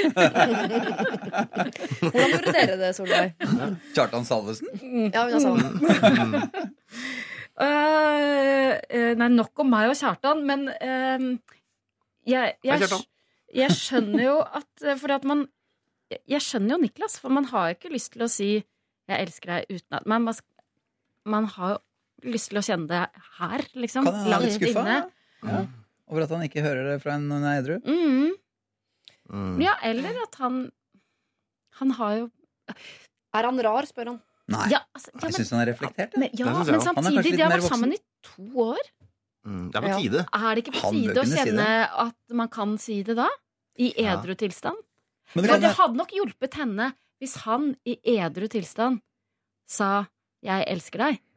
Fordi at jeg tenker at det at hun driver og eh, sier 'jeg elsker deg' når hun er full, er jo egentlig sånn et spørsmål. Sånn eh, Mm. hva, hva, hva syns du om meg? Er du da glad i hun tør å meg? slippe Ja, altså ja. eh, desperasjonen løs, Ja. egentlig. Og så svarer han takk. Ja. ja. Det er Og ikke da bra. ruller ballen. Takk Ja. bør han ikke si. Og så tør han ikke spørre noe Adrian i tilfelle blir avvist. Nei, det er godt. igjen, og- Ja. Å ja, nettopp. Ja, se der, ja. Så hvis han Kanskje han skal ta opp tråden når han er edru? Nei, Ja. jeg er edru. Ja. Ja. En, gang, en eller annen gang han er edru. Hvis han finner den postpressa di i løpet av uka. Ja, Så dere mener at måten å få henne til å si det eh, litt sånn desperat i fylla på, er at han sier det edru? Hvis han mener det, da. Ja. Og det, kan jo ikke, det, det spør han om, Nei, men, men- det kan jo ikke vi svare på. Om. Men, det- Nei. Han spør om han elsker henne. men det er Nei, hyggelig om han gjør det hvis de var sammen i to år. ja. De var 25. Han 23. bruker ikke opp de ordene selv om han sier det til henne. Nei. Han har ikke jinxa det, på en måte. Nei. Hvis det er det han er redd for. Nei. Nei, Og det er ikke sånn at han aldri kan elske noen andre hvis han eh, Nei, sier at han elsker henne nå. men ikke samtidig. Han er ung, vet du. Nei. Har du brent deg på det? Nei, aldri, aldri, aldri, aldri skal mene enn denne gangen. Men Du så så liten ut. Jeg har blitt elsket av veldig mange. Ja, det, det, Det du er veldig elsket. Ja. Jeg var veldig forelsket igjen på barneskolen. Så er jeg sånn, jeg har gitt hele hjertet mitt til han. Men så ble jeg forelsket igjen til. Så jeg, men hjertet er delt i to, så jeg kan gi én del til hver. Og så ble det to til, så begynte jeg med hjertekammer, og så har det bare klabba seg helt til. så det går over. Ja. Metaforens store problem, det der. Ja. Men altså, eh, Niklas, du er ikke rar. Eh, Er hun prematur? Eh, Det vet jeg ikke, men eh, kanskje hun er litt desperat. For Mm, hun, mm, hun driver det. og jakter på et eller annet her. Og hvis du vil at den jakten skal stoppe, så tror vi det mest effektive du kan gjøre, er at du sier 'jeg elsker deg' til henne edru. Du har ikke brukt opp de ordene. Det, er ikke, det betyr ikke at de ikke betyr noe, eller sånn, men da får du kjent litt på det. Og hun får roa seg litt ned, og kanskje hun da slutter å si det i fylla. Dette er Lørdagsrådet På P3. P3 Razorlight har vi hørt med låta America, og nå skal vi gjøre noe her i Lørdagsrådet som jeg ikke tror vi har gjort før. Vi har jo holdt på siden 2010, så det er jo Altså, jeg har snakket om egne problemer her i Lørdagsrådet, eh, men jeg har aldri eh, liksom sluppet regien. Det skal jeg gjøre nå. Eh, fordi du, Tom Stiansen, er den eneste som jobber i TV Norge, mens de andre jobber i TV 2, så stoler jeg mest på deg. Ja, det skjønner jeg. Det er logisk. Ja, vi er jo hyklere begge to. Så jeg skal eh, legge fram mitt eh, problem, og så skal jeg rett og slett gå ut av rommet så ikke jeg har noe noe jeg skal ha sagt. Og så skal du få lov til å, øh, sørge for at dette problemet blir løst, eh, komme med en konklusjon og si hvilken låt vi skal høre, før jeg får lov til å komme inn igjen. Oi, oi, Du får oi. en lapp av meg. Spennende. Her kommer altså problemet. Jeg skal i et bryllup om eh, ca. en måned. Til en eh, veldig god venninne av meg. En veldig sånn friluftstype. Jeg har sånne venninner òg, Ja, det, det, det, det er jo innlysende. Det skal jeg òg. Samme bryllup? Var det jeg lurte på? Oi, det er sykt. Få høre. I hvert fall. De, eh, de er ikke så opptatt av giftegreiene og sånn. Så de var sånn eh, Og så har vi mast, nå må vi få vite hva dere ønsker dere snart. Vi må få vite hva dere ønsker dere Og til slutt har de sagt sånn OK, vi ønsker oss dette her. Og så har de gitt en liste på mye sånn friluftsting. sånn Ja. Ikke eh. Kan vi få dra på- til Ja, kontakter på Kilimanjaro og Bergans. sånn. Jeg er på Bergas. Eh, men så har jeg da, etter at vi har fått denne ønskelisten, så har jeg funnet noe jeg har lyst til å gi Ja. til ekteparet. Som Ja. også er av friluftskarakter. Ja. Eh, og bedt, eh, bedt om tillatelse. Er dere åpne for improvisering på gaver? Ja, skrev hun tilbake. Men man tør jo ikke å svare noe annet heller. ikke sant? Man tør ikke si sånn Nei, hold deg til lista! Ja, Hilsen nazi. Usjarmerende. det tenker jeg sånn, ok, da er det vel i mål. Men så er det jo det at jeg har en mor eh, som er eh, Hun tror hun er liksom verdens flinkeste til å gi gaver. Så hun gir gaver hun tenker at folk vil ha hele tiden. Og det er så skivebom hver gang. Har vært i alle år. Alle gruer seg til å få gaver av min mor eh, fordi det er så ræva, liksom. Og da lurer jeg på, jeg er jo min mors barn. Er jeg i ferd med å bli min mor? Skal jeg holde meg til manuset som jeg har fått av venninnen min, hvor det står hva hun ønsker seg? Eller skal jeg nok en gang eh, gå utenfor manus, på en måte? Gi noe jeg har lyst til å gi? Som jo er morsommere i mine øyne å gi noe jeg har lyst til å gi. Det er mer personlig, det er fra meg. Men hvem bryr seg om det? Er jo bare det er jo meg, det er jo egoistisk, osv. Så, videre. så det dere skal finne ut av nå, er skal jeg gi Hold noe eh, fra gavelisten, Mm. eller skal jeg gi det jeg mener er den perfekte gaven til ekteparet? Og så går jeg ut. Okay. Du trenger ikke være lenge ute. Husk at Thomas har regi. Ja. Ja, ja, ja. Thomas. Tom, Tom, så- Thomas har regi. Eh, Å ja, ja, sant. Okay. ja. Først må jeg bare si at Det høres ut som en veldig irriterende jente som sendte inn dette her. ja. også. Og hun kan ikke ha mye friluftserfaring. Nei, tydeligvis ikke. Her er det hun er redd for å padle kajakk. og, og vi kan vel slå fast at hun er i ferd med å bli sin mor. Ja, Det tror jeg nok. Men det tror jeg på veldig mange andre områder også. Det tror jeg tror tror ikke jeg bare også. er det gavegreiene. Nei, nei, nei. Jeg tror det er egentlig på alt, det. Sa hun ikke at hun var ganske irritert på moren sin? Ja. Ja. Men hvorfor skulle vi heller kjøpe noe annet enn det som står på lista, når det er det de allerede har valgt seg? Nei, men akkurat det skjønner jeg litt, for at man har lyst Jeg blir alltid litt Jeg syns det er litt trist når man får en Kjedelig sånn med sånn liste. Det skal være overraskelser. Ja, Det er sånn bestillingsliste. ja, ja, Det er sånn det der er godt så levert. Ja, det usjarmerende. skjer. Det er irriterende. Det er Ja. Åh, Jeg syns jo, ja. jo at hun kan komme inn med en gang. For jeg har lyst til å bare si at du må kjøpe hun har lyst til å Det- ja, Mye mer personlig. Ja, jeg jeg er helt enig. Og antagelig så er det ikke noe hun sier Altså hun innsenderen har laget Laget selv. Nei, det er ikke, ikke makramé. Får vi håpe. For hvis Det det, kan vi kanskje spørre henne ja, om. Du kan jo Hvis det er en sånn klatresele i makramé Ja, det da sliter vi. Hun sa ikke hva det var hun skulle gi. Nei. Nei. Men det, jo, hun sa at det var friluftsrelatert. Ja. Og at det var noe som ikke sto på lista, men hun hadde lyst til å gi det. Ja, men når da kan det være en kjempegod idé. og det står friluftsrelaterte ting på lista, Ja. hvorfor skal hun da plukke ut Da er du nesten sikker at de har det fra før. Eller at uh... ja, men da kan hun jo by Da, Da kan, kan det de jo bytte det. Ja, ja, hvis hun ikke har laget det. det. Ja. Ja, selvfølgelig. Hun skal la tror du Nei, hun skal ikke lage det. Hun skal kjøpe det nå. Jeg syns du skal definitivt For la oss tenke, hva kan man lage av Nei, hun skal ikke lage noe. Skal ikke lage noe. Nei. Ja, men hun Nei, nei. er jo sånn som lager ting. Er hun Hun det? innsenderen. Er hun, Ja. akkurat, Ja. er moren hennes òg? Innsenderen Ja. er møbelsnekker. Ja. Ja. Ja. Er hun det? Guri, er det noe hun skal lage? Skal hun snekre en Kanskje klatresele? hun skal lage noe selv? Det må hun ikke gjøre. Nei. Det må hun ikke gjøre. Hvis det er noe hun lager selv, skal vi si nei. Og hvis det er noe hun skal kjøpe, så sier vi ja. Ja. Ja. På at hun, Ja. at hun gir det hun har lyst til å gi Altså, jeg synes også det er under tvil, for jeg veit akkurat åssen det der greiene er. Hvis, hvis noen skal begynne å kjøpe noe sånn freestyle noe greier som ligner litt på det jeg ønsker meg sjøl, da blir det så langt fra det jeg har lyst til. Men det virka som hun hadde veldig sterke følelser for det hun hadde lyst til å gi. ja, og det Og er da er det jo sikkert en veldig god idé. Mm. det Hvis ikke hun er vondere. Blitt veldig lik moren sin. Da tvinger du eh, brudeparet til å bruke dette her hver gang. Du tvinger du å gi gaver som betyr noe for deg, så tvinger du dem Ja, for- inn i et eh, system. Men for det har vi jo ikke fått noe svar på. Altså, Blir moren hennes eh, sur hvis eh, man bytter gaven man har fått? Det må man ikke bli. Nei, det må man ikke bli. Det må vi nei. si til henne. Nei, det, ja, det, det må hun skjerpe seg hvis hun har Ja. å bli så lik moren sin. Ja. For moren er sånn. Er det? Kjenner du det? Da kan vi jo nesten si beklager til moren til Ja. Siri. Ja. Nei, men skal vi si det sånn, da? Ja, Vi sier det sånn at uh, så lenge hun ikke skal lage det sjøl, så kan hun kjøpe det hun har lyst til å gi. Ok, Ja. jeg støtter deg. Hva er det vi skal høre nå? Ja, og ja, vi skal høre en sang! Eh, work from home. Work, work. ja, jeg tror det er Work from home. Ja. Og 50 Harmony. Ja. Eh, pluss Ty Dolla Sign. Ah, den har jeg hørt. Jeg fikk jo ikke den letteste tittelen, men eh, hør litt på den her. Den er kjempebra. P3. Vil du si hva vi har hør- ja, vi hørte Work from Home med 50 Harmony og Ty Dolla, Dolla Sign. Ja. Fantastisk fengende låt, men Ja. du sa det var den mest irriterende låten du visste om? Ja, altså Den er jo fengende, men det irriterer meg. Jeg er så lei nå av at man skal finne på uh, andre liksom, ord for å si eh, sex og suging. Mm. jeg later som jeg, oh. jeg snakker om å, å jobbe hjemmefra, og så snakker hun om uh, at hun vil suge mannen sin. Du må ikke høre på For det hadde teksten. jeg tenkt hva handla om å jobbe hjemme. Synes jeg er så, så befriende og Hjemmekontor. deilig. Ja. Endelig. er det- Endelig en låt som bare handler om helt vanlig. Du, jeg har hjemmekontor. Jeg syns det er helt ålreit, men jeg skjønner at det er litt sånn shady nå. Dere har hjemmekontor. Det er ikke helt bra lenger, det. Nei, ikke Ja, han driver med liksom på hjemmekontoret der. Ja, ja. Er ikke noe lyrikk. Er du spent, Siri, på hva vi har kommet fram til? Ja, hva får jeg lov til? Hva skal, jeg, skal jeg holde meg til gavelista? Skal jobbe hjemmefra. Så du skal jobbe hjemmefra. Og så, så lenge du ikke lager gaven sjøl, så skal du kjøpe det du har lyst til å gi. skal ikke lage gaven selv, men det er eh, bestilt fra utlandet, så man kan ikke bytte den heller. Det er helt innafor. Det er innafor. Ja. Er det? Ja. Det er veldig Ja. gjennomtenkt, Ja. og det er en veldig fin gave. Ja. Vil dere vite hva det er òg? Ja. Mm. Jeg, jeg har sett det på Facebook. Det er sånn uh, okay. det er En bitte, bitte liten uh, slags pose som man fyller med luft, og så skal man ligge oppi der. Oh, og det er så- dødsdeilig å ligge som en madrass. Man kan ha den Ja. på vannet. Og Men den har jeg sett på Ja. Facebook, ja.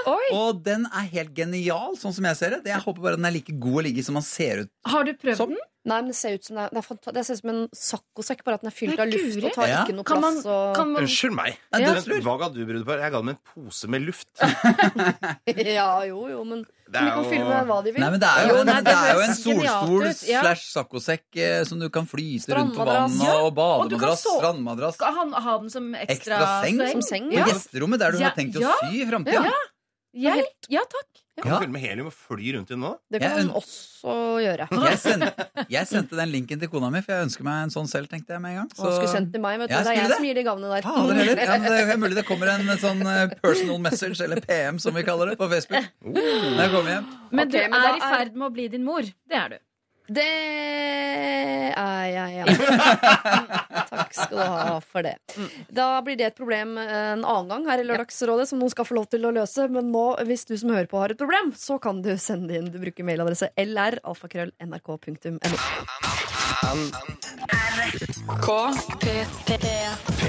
P3. Vi har vært en god tur ned memory lane. Vi har hørt både Green Day med sin Basket Case og før det Blink 182, Bored to Death. Det er en ny låt, riktignok, men det er fortsatt Blink 182.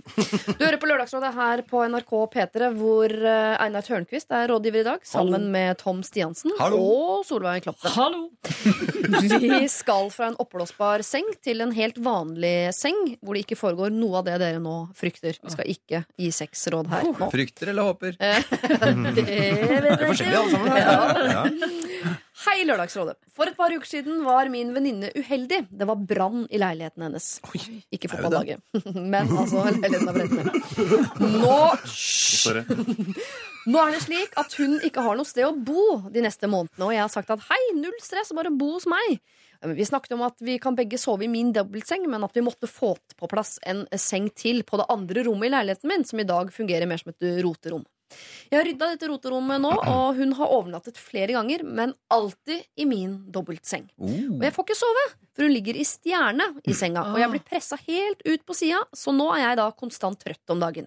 I tillegg puster hun høyt. Ja, skikkelig eh, så høyt pusting at ikke jeg får sove. Heter det snorking? Ja. Men hos jenter så er det bare høy Det er bra hun puster, da. Jeg tok det opp med henne, henne at hun peste så fælt, og da glefsa hun tilbake. Og det er seriøst ikke noe i forhold til hva du driver med om natta når du ligger og skjærer tenner. Og ja da, jeg vet at jeg gjør det, men det er faktisk mitt soverom. Så hva skal jeg gjøre, da? Er det jeg som må fikse madrass eller seng på dette gjesterommet jeg har? Er jeg slem som ikke lar henne overnatte i min dobbeltseng? Vi har jo snakket om dette, uh, at hun ikke kan sove på mitt rom, men nå har det liksom bare blitt sånn. Så hva gjør vi framover? Hilsen søvnløs Frida 28. Ja, Solveig. Jeg vet det. For det, Ja. jeg har sett på Facebook Der fins det en sånn pose som du kan få luft i. Hun må gifte seg og ønske seg det til bursdagen sin. Nei, til bryllupet. Og blåse opp en sånn. Ja. Ja, Og legge på det gjesterommet, da. ja. Men, Men eh, Jo, men det er jo, det er jo på en måte det. Hun må jo skaffe en seng, på en måte. Men hun virker jo, uh, apropos å ta opp ting med folk, hun her virker jo som en som ikke er så lett å ta opp ting med. da. Nei, men å glefse tilbake, altså, det er jo ikke noe god egenskap. Å drive og glefse. I hvert fall ikke når man er på, en måte, på På lån? Nei, ja, akkurat. Altså, du er jo på lånt seng. Ja, Mm. Du bør være litt grann på tilbudssida da, tenker jeg. Og Men- kanskje ordne med den madrassen sjøl. absolutt. Eller er en sånn, ja. Dette er noe det går an å snakke om uten å bli uvenner, er ikke det? Jo. At man kan uh, eh, Unnskyld, men jeg har jo Jeg liker jo godt å sove aleine i senga. Men det virker som om også at de er veldig enige om at begge lager mye trøbbel om natta, så de, Ja. ingen av de får sove. Da burde jo begge være tjent med at de kommer seg på hvert sitt rom. Kan det Mm. være en Ja. idé at de går ut på byen, og så hun som eier senga og rommet, tar med seg en fyr hjem? Oi, vi er der. Sånn er- Så Kloppen-metoden? Nå var det ikke snakk om at vi ikke skulle Skulle dit, sa Siri i stad. Men uh, klarer ikke å styre seg, Solveig. Ja, kanskje det er en Ja. god idé. Ta med seg en eller annen raske med seg nå. Ja, Men hvis hun bare blir der da også, da, da kan det jo bli Nei, vi skal Denne. ikke dit, uh, Var det Stiansen. Stians-metoden? At alle tre er i samme seng plutselig? En i stjerne og to på toppen. Ja. Nei. Eh, ja, nei. Men hvordan skal uh, eh, La oss bare bli enige om det først. Skal de to fortsette å dele seng fordi hun må være grei mot venninnen sin som har Nei. mistet leiligheten til brannen osv.? Nei. Nei, så det må en seng til inn i Jeg har jo et rom til. Det er Ja. bare å få inn en madrass. Mm. Men eh, da, eh, det vi må finne ut av da, eh, etter at vi har hørt Highasakite, er altså hvordan Frida skal ta opp dette med venninnen sin. Vanligvis så sier vi bare si det, men her har vi med et menneske å gjøre som glefser hvis man tar Ja. konfrontasjoner. Så det må vi ta med oss nå når vi skal finne ut av hvordan denne konfrontasjonen skal finne sted. Det får du høre etter Highasakite. Dette her er Someone Who'll Get It. Dette er Lørdagsrådet På P3. P3. P3. Someone Hold get synger de High as a Kite. Og eh, det er vel eh, kanskje det denne jenta også skal. Hun som ligger i stjerne i Frida sin seng fordi hennes egen leilighet har brent ned. Hun må ut av den senga, over i egen seng på gjesterommet. Det har vi slått fast. Men hvordan tar man opp det med denne eh, jenta, som jo glefser når man tar opp ting eh, med henne? Tom Stiansen, du har hatt hånda i været siden midt i låta. Ja, det er på en måte din tur. Nei, jeg kom til å tenke på at Hvis hun glefser, så må man jo prøve å kjøre Og, og man har lyst til å ha det hyggelig med den personen, og man liksom har um, lovt bort senga eller uh, en gjesteseng fram til hun får ordna med leiligheten sin, så kan det være en idé å si at uh, Vet du hva, nå skal jeg spandere middag på deg på Ikea. For nå skal vi ut og kjøpe seng. Oi, det var Får du billig middag, og så får du en grei seng. Det er veldig på tilbud. Det både liksom gitt leilighet og middag. Og det er jo, Ja, er men altså, en god venn. 60 kroner, da. Ja, Ja, ja, for jeg spiste grønnsaksbollen der tidligere denne uka til 69 kroner. Det var helt Ikke sant? Er det noe annet enn falafler? Ja, for det er mer grønnsaksbiter, purre og sånn. eh, Det er god mer risotto og allting der. Altså.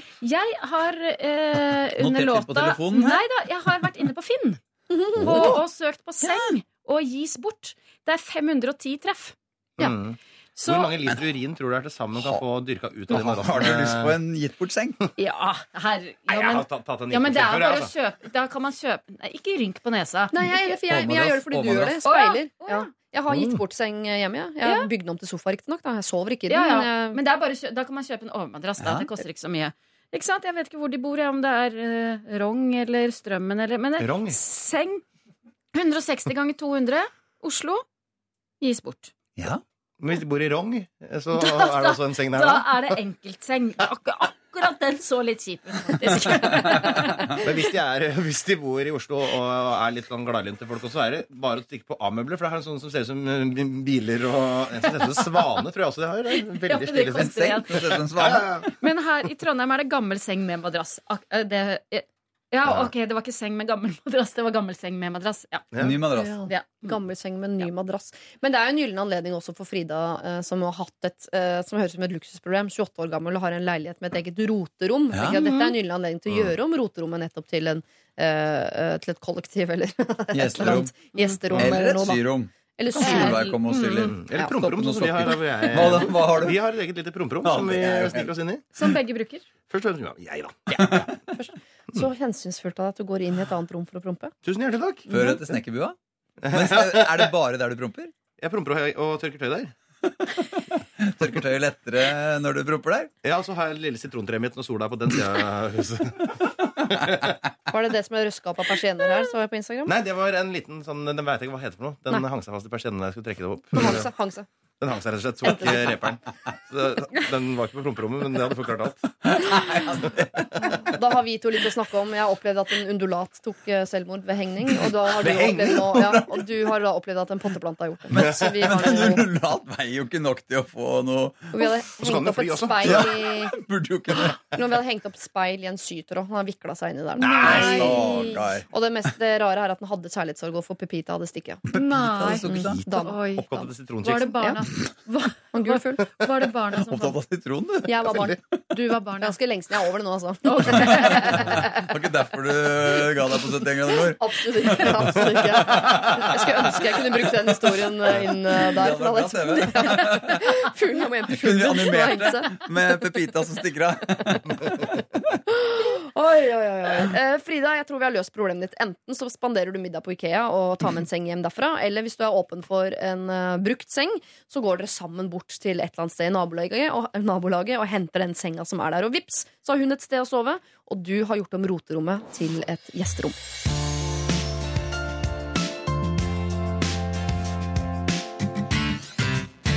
Jeg har fått fartsbot på oppdrag for jobben med leid bil. Er det innafor å kreve at jobben betaler bota? Jeg har veldig lite lyst til å punge ut sjøl, og det hadde jo aldri skjedd om ikke jeg måtte ut på den turen for jobb i utgangspunktet. Og jeg har kjørt i 70-60-sona, så det er ikke så veldig grovt. Er alternativet tre dager med hjemmekontor i Bredtvet kvinnefengsel? Eh, hilsen gnitende Guri. Altså Hun har lånt en bil, er ute på oppdrag for jobben, eh, kjører for fort og må betale bot. Eh, kan hun be jobben betale det? Einar Tørnquist. Eh, Einar Tørnquist har fått parkeringsbot Mm. eh, med jobbbil, eh, og fått den dekt. Ja. Oh, ja. Eh, det har skjedd. Eh, fartsbot veit jeg ikke om går, altså. Det føles litt, for det er det sånn, Jeg måtte parkere utafor den butikken midt i Storgata i Tromsø for å få gjort noe greier. Må Ja. du kjøpe nytt sitrontre? 3 Nytt sitrontre. Eh, Og da, for at dere skulle bare få, få gjort det jeg skulle Og da var det ikke noe alternativ. Men da var jeg nødt til å få en bot. Så dekka Mm. jobben. Men eh, hvis du kjører for fort med vilje, og viten, så syns jeg på en Hvis måte kanskje speedometeret hadde vært ødelagt på bilen, så hadde det vært annerledes. Hvis de hadde vist Mm. 50 når hun kjørte i 70. Men her har hun sagt at det hadde ikke skjedd hvis ikke hun var på den eh, turen og måtte ut på det oppdraget. Men det hadde jo ikke skjedd hvis hun kjørte i 60 heller, i 60-sonen. Nei. Så gnitende Guri, jeg tror du skal betale den bota. Det kan jo hende sjefen har sagt 'kjør i 70 i 60-sonen'. Da er det verre. Ja, for det Mm, kan da- da kan hende det at hun måtte rekke det, Ja. for eksempel. At sjefen sa sånn Nå har vi et kvarter på oss, Guri'. Guri. Det vil jo legitimere det. Men, men jeg har, eh, det, er, det er jo ikke så veldig, veldig lett for firmaet å få utgiftsført det heller. Vet du, for at jeg har firmabil i mitt eget firma. Mm. Og jeg fikk en eh, Var det parkeringsbot, da? Jeg tror det var det. Og så spurte jeg revisoren min om jeg kunne få uh, ta den på firma, siden jeg har firmabil. Mm. Nei, det er helt uaktuelt. Hva heter firmaet ditt? Tom Stiansen AS. Ja, Veldig Er det originalt. al alpin- og programlederfirma? Jeg husker ikke helt hva tittelen er, men det er så lenge siden. Det er gammelt uh, firma, men eh, det høres flott ut. Ha sitt eget firma. Ja, ja. Det er ansatte greier. Og styremøter og julebord, og det er veldig hyggelig. vet du. Det er bare meg. Månedens ansatt hver måned. Ja, det er meg, det. Hva ville du gjort her, Solveig? Jeg eh, ville ha mm, Kvinnefengsel. Ja, for å ha prøve Orange is the new Ja. black. Ja, Jeg har sett så mye på Orange is the new black. Så det, prøve tre dager. Nei. Er det lov Jeg tror faktisk i Norge så kan du, hvis du skylder penger, og du prøver å si sånn, jeg vil heller sitte i fengsel, Ja. så sier de nei, og så går de inn og tar penger av lønna ah, ja. di. Ja, men hun sa jo at eh, tre dager i kvinnefengsel var ikke det et alternativ? Ja, for henne er det det, men i, her i Norge så er det faktisk ikke det. Uh, ikke spør meg hvorfor jeg har uh, sjekka akkurat det. Hvorfor Da kan hun ikke ha penger, da. Gnitende Guri. Ja. Jeg, Gnide eh, folk har jo ofte penger, da. De bare Ja, det ikke det. deler dem ut. men her kan du eh, Et annet prinsipp jeg også har, jeg har er rett og slett bare Ja, men bare prøv det, vel. Se om du får det til. Hvis eh, ikke, så eh, får du det ikke til. Altså, å prøve Gjør ditt beste. snakke med sjefen. Snakk med sjefen. Prøv å få penga tilbake ved, alle, ved å levere Ikke prøv, hvorfor ikke prøv? Nei, men det er Det kanskje er litt, sånn det, det, da blir hun kanskje tatt opp som gnitne Guri på ja, julebordet. Er ikke det flaut? Ja. Hvor mye er det på, da? Hvis du kjører ti over i sånn, er det 1500 kroner? Ja, sikkert sånn 1200. Ja. Ja. Er det ikke mer, nei? Nei, jeg tror ikke. Nei, ta så Nei. Det var lite. svelge den Jeg tenkte det var også. sånn Ja, vet du 7000. hva, jeg eller? fikk Ja, Nei, det er det ikke. Jeg har aldri kjørt for fort. Nei, jeg, Jeg det kan fort vekk være to og et halvt, altså, for jeg kjørte ca. ti over uh, forbi sånn eh, fotoboks Fotoboks. en gang. Mm. Uh, og da ti eller 20 over, jeg husker ikke. Og da fikk jeg to og et halvt eller tre i fartsbot. Og gikk du til sjefen og sa 'kan du betale den'? Nei, det er til og med fordi jeg måtte rekke jobb. Ja, ikke sant? Ja, ikke sant? Ja. Mm. Og da tok? NRK den regninga. Nei, Det er våre ikke. lisenspenger, det. Nei, jeg, jeg spurte ikke. er det lisenspengene går til. Ja. Det er det det går til. Jeg spurte ikke! Men det høres ikke ut som Guri heller skal det. Fordi eh, men med, det må mindre, han jo gjøre. med mindre sjefen har sagt at du må eh, gjøre dette innen ti minutter. Mm. Alt du kan få en penge på, går og prøver å få en penge på. Ok, Skal vi ta Tørnquist-metoden på dette? Spør først om du kan få, og hvis ikke så så får du bare betale. Jeg skal sjekke om det er mulighet for penger for å sitte her og skrive Det skal jeg kjøpe gjøre. Det jo. Ja, får ikke noe av meg. i hvert fall. Nei, det er sikkert noen her på kontoret som er Rita Dybvik Skans. Er ikke hun økonomi- og administrasjonsansvarlig? Hjemmekontor på Bredtvet eh, kvinnefengsel er av eh, bordet. Det er faktisk ikke et alternativ her i eh, Norge. Eh, Du kan selvfølgelig spørre sjefen din, men da må du være komfortabel med å bli kalt gni gnitende Guri også på julebordet i år. Eh, Så hvis du har de pengene, så betaler du det. Men du kan spørre.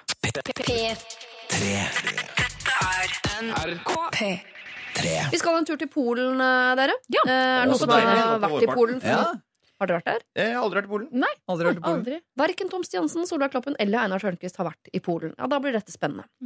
Jeg er en 26 år gammel tannlegestudent i Polen og trives veldig godt både skolemessig og sosialt. Mm. Problemet mitt begynte etter påskeferien, da jeg fikk en pasient som trengte akutt hjelp. Jeg fikset tennene hennes, og hun virket veldig fornøyd. Jeg var også veldig fornøyd med arbeidet jeg gjorde. Hun sa til veilederen min at hun syntes jeg var kjempeflink og veldig kjekk. Jeg tok det som et kompliment. Uka etter kom den samme damen. Hun er 58 år. Oi, Hun kom tilbake, men denne gangen var det heldigvis ikke akutt. Jeg erstattet en gammel fylling hun var misfornøyd med, og da jeg var ferdig, la hun 20 slåti, som er ca. 40 kroner, i lomma mi før hun dro. Jeg ble egentlig litt satt ut, men tenkte ikke noe mer over det. Påfølgende uke kom hun nok en gang tilbake. Jeg lot som ingenting og fikset absolutt på alt jeg mente trengte behandling, og var ganske sikker på at jeg var kvitt henne. Denne gangen fikk jeg ti egg etter endt arbeid. Ja. Ja, er. Jeg greide ikke å takke nei, selv om jeg ikke hadde lyst på noe som helst fra henne. Uka etter dukker hun opp igjen. Denne gangen spurte jeg en medstudent om han kunne ta seg av henne, men hun ba spesifikt etter meg. Da, jeg, eh, da hadde jeg ingen andre valg enn å jobbe med henne, og fikk enda en 20-slåtilapp i lomma når jeg var ferdig. Hun snakket eh, med veilederen min og avtalte time hos meg kommende uke. Veilederen min er kjempestolt av meg, siden han tror jeg har klart å skape tillit til en pasient som har slitt med tannlegeskrekk tidligere. Jeg har ikke sagt noe til henne om de gavene jeg har fått av henne, da medstudenter mener at det vil bare skape problemer både for henne og meg. Jeg vet ikke om jeg vil møte opp til den timen hun avtalte med meg, men én ting som er sikkert, jeg er lei av den gamle dama og gavene hennes. Gammel? Hun trenger helt sikkert de pengene selv mye mer enn meg, siden jeg klarer meg utrolig fint med støtten fra Lånekassa. Hun kan ikke engelsk, og mine polskkunnskaper er begrenset. Så hva gjør jeg? Hilsen Max. Å, her er det penger å tjene. Han tar seg altfor dårlig betalt. Han Ja. vil ha mye mer. Men jeg Nei. tror ikke de har lov Jeg tror det er en del av greia. Han har ikke lov til å få noe fra denne pasienten. Men veilederen da, som går inn her og så sier at dette her er kjempebra for at du har kurert tannlegeskrekk altså Hvem er det som må gå til tannlegen hver dag i to uker i strekk? da? Hvor mye er gærent å ha med tenna? Og ingenting Ja, men hvis du har hatt tannlegeskrekk i Men Du går jo ikke dit bare for at du syns det er gøy, for at nå er jeg kvitt tannlegeskrekken. Eksponeringsterapi. Ja, men Hvis du ikke har vært hos tannlegen på 50 år, så er det jo en del å ordne Ja, opp men i. det, Nå var det jo alt ordna, var det ikke Ja, det? Etter jo, andre-tredje jo. besøket. Jeg skal avsløre for dere nå folkens, at jeg tror ikke dette dreier seg om tannlegeskrekk. Nei, det er det det ikke gjør. Og det er tenker jeg at da, da, da er jo veilederen også helt ute. Kanskje, men kanskje det er sånn det er i Polen? Det høres ut som du går til tannlegen for å få pussa tennene. At det er rett og slett uh... Ja, sånn som man gjorde hos barbereren i gamle dager. Hvertfall. hvert fall Ja. gjorde. Men jeg synes jo, jeg tenkte jo lenge nei, nei, nei, nei, nei. Men da eh, hun plutselig ga han ti egg, så tenkte jeg nei, men det var jo kos mm, koselig. Det er sjekketriks i Polen, det. Ja. Det er det. Ja, ja, ja. Og Her er det en 58 år gammel kone som syns at Max er en kjekk type. ja så har hun sikkert egne høner som lager noe egg, og Mm. Må bli kvitt dem. Og. Og han, Max, syns at, eller, Max er 26 år. Han syns at kvinne 58 med Så- egg er Ja, og så har jeg en følelse av at kvinne 58 i Polen, reell alder da er 76. Ja. ja, Mm. ja. Ja. ja De er litt eldre i at de Polen. er litt eldre. Er det eldre i Polen? Ja. Jeg visste ikke at du var eldre i Polen. Jo, Jo, jo. Blir født som tiåring. Det Ingen av oss har vært der, men jeg er eldre i Polen. Men jeg har et eh, tips eh, som passer fint inn i det å vikle seg inn i et nettverk av løgner. Eh, Som jo er den originale tørnquist-metoden. Eh, Og det er hva med neste gang eh, du skal på jobb? Kan du låne en giftering, tror du? Så du ha på deg eh, når hun eh, For vi, vi er, vi er amorøse her. Er ikke det? vi- vi Ja, det er vel det. Ja. Ja. Ja. man har en giftering på seg og er utstått I am eh, newly married. eh, Hello. hello. Eller enda bedre, ha med eh, kjæresten. Ja At hun bare kan være der, for de er så forelska at de klarer ikke å holde seg unna hverandre. Ha han kjæreste? Nei, men det hun kan la, han kan late Han kan late som det, bare står stå og kline litt, ja, idet hun ja, kommer ja, inn. ja. Klinet med en Ja. eh, nydelig polsk jente. Ja. Ja. Da tror jeg hun er kvitt uh, dama. Er ikke det vanskeligere å forklare veilederen at du har med en dame du står og kliner med på skolen, Ja, enn de ti egga og de 40 slåttene, liksom? Eller? Giftering. Giftering. Ja, Bra, eller? Det er ikke- Det ikke så dum, den. Nei, den er bra. Ja. Det er jo ljug òg, som vi er så glad i. Ja. Nei, men det er jo det er en fysisk form for ljuging som vi ikke For det er jo ikke noe de snakker om. Så, Nei. altså, så sånn Nei. sett er det jo ikke Han har ikke sagt at det er en giftering. For Du kan jo ikke engelsk. Akkurat hva er det han syns er ubehagelig? Det at han får penger og egg? At hun legger ham på. Eller Han, han føler seg som en uh, tannlegehore. Ja. Han tar det som uh, Ja. seksuell Men- trakassering. Men han, Ja. han ja, beskriver ikke Hun har ikke tafsa på han. Eller det har ikke vært noe Ja, det er Han bare han som tafser på henne. Ja, Ja. Han tar det for gitt, bare, at hun kommer tilbake. Han er innbilsk. Det er det er du vil framstille. Ja, Innbilsk, det er. Max, nå må du skjerpe deg. Du er innbilsk. Altså, Hvem er det som har fingra inn i andres hulrom her? Det er ikke hun, for å si det sånn. Det var- Er vi ikke på radioen? Jeg. Hvem er det?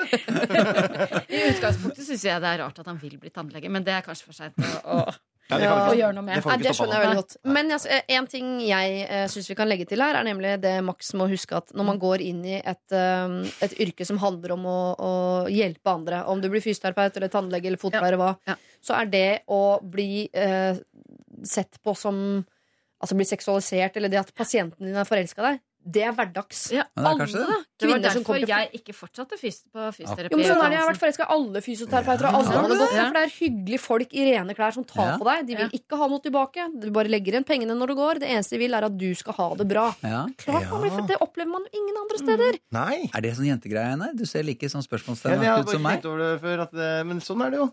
Ja. selvfølgelig. Akkurat sånn det er. Ha. Så er, ikke, er det ikke like greit at Max bare blir vant til dette her? At han Jo, det er en del av utdannelsen, kan du si. Ja, det er det. Eller dannelsen, i hvert fall. Ja, Han kan du bli så hardhuda. Man har vært uh, tafsa på en 58 år gammel polsk dame i årevis. Har hun deg i overført forstand, eller? Nei. Hva- nei, hva- Eller Veldig hardhud på fingra. Veldig herlig. ja. Oi, oi, oi. Nei, men det var bare et lite synspunkt fra meg. Men betyr det at vi gikk for giftering? Jeg tror det. Vant det? Du merka det ikke engang, men så vant du. Får jeg kopp og T-skjorte i posten? Du kan få en kopp og en T-skjorte. Ja, men er det giftering. giftering, giftering og så bli vant til det? Ja. Ta det som en del av skolen. Mm. Max, du skal bli eh, tannlege. Dette her er bare en del av framtiden din. rett og slett Så enten må du hoppe av eh, studiet her og nå, eller så må du bare bli komfortabel med at denne kvinnen kommer igjen og igjen og igjen. og igjen og igjen og igjen, og igjen eh, Med mindre hun stopper å komme, da fordi hun ser denne gifteringen som du begynner å gå med. gifteringen. Mm. Ellers kan det bli reguleringsanlegget. da. Det er bare fjortiser som kommer. Er- Dette er P3. Rihanna fikk vi der med en eh, noe eldre låt, som jeg tror ja, Topp tre av Rihanna for min eh, del. SNM er det altså vi har uh, hørt dere. Og den handler om akkurat det som hun sier at den handler om. Akkurat I motsetning til Work uh, From Home, som jo også handler om det samme, bare at hun later som det handler om hjemmekontor. Det er derfor en av, Rihanna er en av mine store favorittartister. Ja, mye mer uh, to the point. Mye mer to the point. Dere, eh, Solveig Kloppen, Einar Tørnquist, Tom Stiansen. Eh, vi skal hjelpe Aina. Dette er altså Lørdagsrådets siste problem i dag. Ja. Eh, som så mange andre eh, unge er jeg midt i en eksamensperiode. Da dette er en litt tøff periode, kan det bli litt ekstra krevende å bo i kollektiv. Jeg bor i et kollektiv som er ganske lytt, og jeg deler vegg med den ganske åpne stuen vi har her i kollektivet. Og problemet er Lurer på om dere syns det er innafor at de to andre jeg bor sammen med, velger å sette i gang ukas Game of Thrones-episode kvart over elleve om kvelden, når de vet at jeg legger meg rundt elleve fordi man vil opp klokka sju for å starte lesedagen klokka åtte. Det bråker, og når de supplerer det hele med eh, tidenes middag, som gjør at det blir en del prat og skraping, så blir man gæren. Ikke heng dere opp i skraping, vi vil ikke det her. Når alt man vil, er å sove etter en lang eh, dag. Hvorfor må alt dette gjøres så seint? Man har jo hele dagen og nesten hele eh, uka å gjøre dette her på. Hilsen Aina. i- eh, muligens kravstor spørsmålstegn. Ja, kvart over elleve og sju altså, Kvart over elleve er jo helt normalt tidspunkt å sette på en TV-serie. Og Ja. klokka sju Det er ikke noe som trenger å lese noe klokka sju. Du skal begynne å lese åtte. Nå må du stå opp sju. alle lese klokka åtte! Er det, folk, er det Hvordan så uttales vanskelig det igjen? Det er bare et eller annet rør. Jeg husker ikke hva det heter. jeg. Ikke sant? Vernepleier. Atferdsvitenskap. Ja. Ja. Jeg leste ikke noe klokka åtte om morgenen, i hvert fall. Nei. Nei. Dæsken. Mm. Men eh, men er ikke, bodde i kollektiv, var det? Ja. Er ikke det liksom pris man betaler for å bo i billig kollektiv? da? jo. Det er jo litt sånn det er. Ja, det er jo det. Det tror jeg må finne Men- seg i. Ja. Er ikke noe av greia å vise hensyn nå, da? Jo, Nei, jeg synes her skal man ta hensyn. Og det her hadde vi som regel i det kollektivet jeg bodde. Mm. Her var det den som skulle ha det gøy, som skulle hensyntas. Oh, ja. hensyn tas. ja. Oi. Ja, fint ord. Ja. Jeg skjønte det ikke. Hva mente du? Den som skulle ha det gøy, som ville Ja. ha fest, var den alle skulle være hensyn til. støttende eh, for. Å Mot. ja. Så For nachspiel gøy natt til tirsdag? trumfer Ja. seriøst. Kom igjen. Surpomp ut eh, for eh, bli stemt ned, og må da på en måte gå til eh, g- Ta grep for å ordne sin egen situasjon. Mens de andre som skal ha det gøy, det er de som skal ha det skal Røy. få- Ja. Røyk før frokost inne på kjøkkenet. Det Kom var en igjen. røyke innekollektiv, Ja. var det også, ja. Ja. Var det Mm. surpumpene som ble enige om dette, eller føyde de seg bare? Nei, de var på promperommet. Det var jo kanskje noe lavambisiøs gjeng, Ja. eh, skal sies. Men det er klart at det her er jo de som vil ha det gøy i flertall, virker det som. Ja, Det er to mot én. Ja, Ja. Men da er det egentlig greit, da. Hvorfor kan de ikke bare gjøre det tidligere? Jeg har hatt hele dagen. Ja, men har, Har de Du det? Lese på kvelden, da! Hæ? Kan ikke du sitte i lesesalen på kvelden, da? Hvorfor må oppstå innmari tidlig? Ja, eller Ja. at hun kan snu døgnet. At hun begynner å lese. At hun leser Nei, for det er irriterende. Altså, jeg er lese. glad i Game of Thrones, Ja. folkens, men Ja. det trumfer ikke en utdannelse. Og, øh, det er ikke meningen å Nei, være nei, Nei, det er klart. jeg, jeg, jeg, ikke skjønner, jeg utdannelse. skjønner at, hun, er- er- at det er irriterende. For de har det så høyt på, vet du. Hvis noen skal Sikkert. skjerpe seg, så mener jeg at det er de som lager Game of Thrones, som slipper det eh, så seint på sesongen at man er nødt til å vente til 11 for at det skal bli mørkt, for man vil ikke se på Game of Thrones når det er lyst ute. Nei. Men det blir jo nedtur å sitte med øre, øreklokker og se på Game of Thrones òg, da. Hva med Øreklokker på øreklokker på henne og Soviro inni Ja. øreklokkene? 2800 kroner kostet dem å redde et livet mitt. Ja, jeg snakker om det Bose-headsetet jeg har kjøpt med Ja. eh, noise, Noise cancelling. noise cancelling, ja. Men klarer du å sove med det? Ja, ja, ja. Sover alltid med headset. Men har du de der klokkene, eller har du de Nei, proppene? nei, nei, det er propper, ja. Ja, de er helt gull. Ja, ja, De er. Ikke med klokker, nei, da. Kan, kan ikke sove med. De har jeg òg. Ja, ikke sant? Der ser du. Det er en investering som Det er en investering. Og hvis du tar de og hørselvern Kan jeg spørre Og sokker. Ja, ikke sant? For akkurat når ta når, når er det man tar dem inn når man har kjæreste? Sier man Altså, Nei, vi sier natta, så tar Ja, vi på hvert vårt ja. headset. Vi. ja, gjør dere det? Ja da. Ja. Og er det snorking og soving i X hjemme hos deg? Nei, men Vi hører på podkaster, f.eks. Lørdagsrådet, på NRK P3. Oi, oi, oi. Eh, hvis vi, ja, Det er alltid noe som skravler i huet på meg når jeg sovner. Sier du det? Du gjør det, ja? Men ikke samboeren. Ikke hun, nei. Men vi skravler jo resten av dagen. Ja, ja, ja. Kan ja. ikke sove kan vi, trenger vi ikke å snakke Mm. sammen. Men hun skal Nei. opp klokka sju. Ja. Får av til det hvis du har dobbelt med headset. Våkner jo ikke av seg sjæl klokka sju. Det er ikke en hane. Nei, men altså, hvis hun, har, hvis hun sitter og stenger Er du sjekka at ikke hun, ikke er en hane? Det er så- det er Har du skrevet hun det? At hun ikke har Ja. Kan du kjøpe en hane? Men hvis, hvis eh, Altså, vi snakka jo om at hun kunne legge om døgnet litt. Hun må jo ikke starte så tidlig. Hun er student Ja. og skal bare sitte Ja, og lese. ja. Mm. Så hvis hun da bare bruker leser mens de ser på Game of Thrones, og har uh, Bose noise cancelling, ørepropper og hørselvern Ja. mens de ser på det, så hører hun ingenting. Ja, ikke sant? Hun Også kan, så kan hun å lese. lese. hun kan lese fra ti, Hun da. er i. Ikke sant? Og legge seg klokka Sove fra ett. Ja, kravstor. Og bli med og se på Game of Thrones, så blir det hyggeligere kollektiv. Ja, ja, Ja. legge om døgnet litt. Ja. Er ikke det litt sånn studenttida Men man kan jo ikke lese altså, 16 timer om dagen, eller får du ingenting inn. Du må jo begrense deg til fem-seks timer, i hvert fall. Maks. Det kan du flytte litt på. Ja, For det kan hende her at vi har muligheten til å stoppe en som er eh, slave av eh, generasjon prestasjon, og si sånn eh, Legg bort boka litt og se litt på Game of Thrones, da. Ja. Bli med på moroa. Ja. I min generasjon så leste vi ingenting, vi. Eller så kan det jo være at det ikke At ikke alle rom har vegg eh, altså det det, som del, deler vegg med stua. Sånn at hun kan jo spørre om det er mulig å bytte rom for en periode. Mm, Det har hadde smart. gått an, ja. Mm. Se på planløsningen. Mm, se på Mm. planløsningen, ja. Mm. Eller at de kan se på Game of Thrones på det ene soverommet. Det Ja. går også an. Ja. Ja, flytte TV-en og Men så er det rart at ingen av uh, Altså Vi er jo tre av fire her som har barn. Og kanskje bare er jeg som kjører den taktikken på barna mine. Hvis de uh, ikke sovner seint på kvelden, Mm. så vekker jeg det jo dertil tidlig på morgenen for at de skal bli helt sånn idiottrøtte dagen etter. Ja, ja. Fordi jeg aktivt prøver å snu det.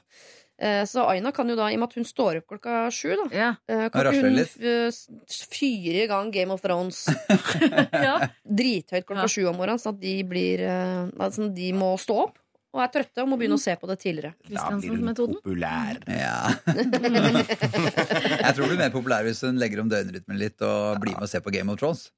Så får hun mer ut av dagen òg. Ja. Og så må hun ikke lese så hele dagen. Kan ikke være mulig. Det er Nei, mulig, Hva er det du studerer, da? Jeg veit ikke noe mer enn det jeg har lest ut. Jeg. Jeg husker ikke om du leste det. Nei, Men Du har ikke sagt noe om hva du studerer. nei. Men det kan ikke være nødvendig å lese så mye. At du må... Kanskje det skal bli eh, Nei, men Hun skal jo ikke lese så seint. Hun skal jo sove. Ja. Hun skal stå tidlig opp. Ja, det er det som er ja, greia. hun Ja. leser ikke. Nei, trenger ikke Nei. det. Følg rytmen. Ja. Men hvis det ikke funker for henne, så ville jeg jo prøvd å bytte rom, da. Ja. Lar det seg geografisk gjøre at du kan bytte et rom, Aina, så foreslår vi jo det. Fordi eh, Game of Thrones må ses når det er mørkt, dessverre. Og klokka 11 er ikke for voksne folk, så er ikke det veldig seint. Det er stort sett da man setter på sånne type TV-serier. Så her virker det som om du må eh, snu deg for flertallet i bokollektivet. Eh, de må få lov til å se på Game of Thrones klokken 11. Enten må du blokke ut lyden med headset, bytte rom, eller så må du snu om på døgnrytmen din, eller bli mindre eh, kravstor til deg selv, lese litt mindre, se litt mer på TV. Hilsen en underutdanna gjeng. Jeg er veldig underutdanna. Kan vi få til alt òg? Alt, det går. Dette er Dette er P3. Drake sammen med Wizkid og Kyla. Dette her var uh, One Dance. Se gamleklubben sitter og er folka? Aldri hørt om. Aldri hørt om. Drake har dere hørt om. Hvorfor spiller dere ikke med U2? spurte Tom Stiansen om her. eh. Snoop Dogg, ja. ja, ja. Chicago. Da tror du at du snakker om ungdomsmusikk, gjør du ikke?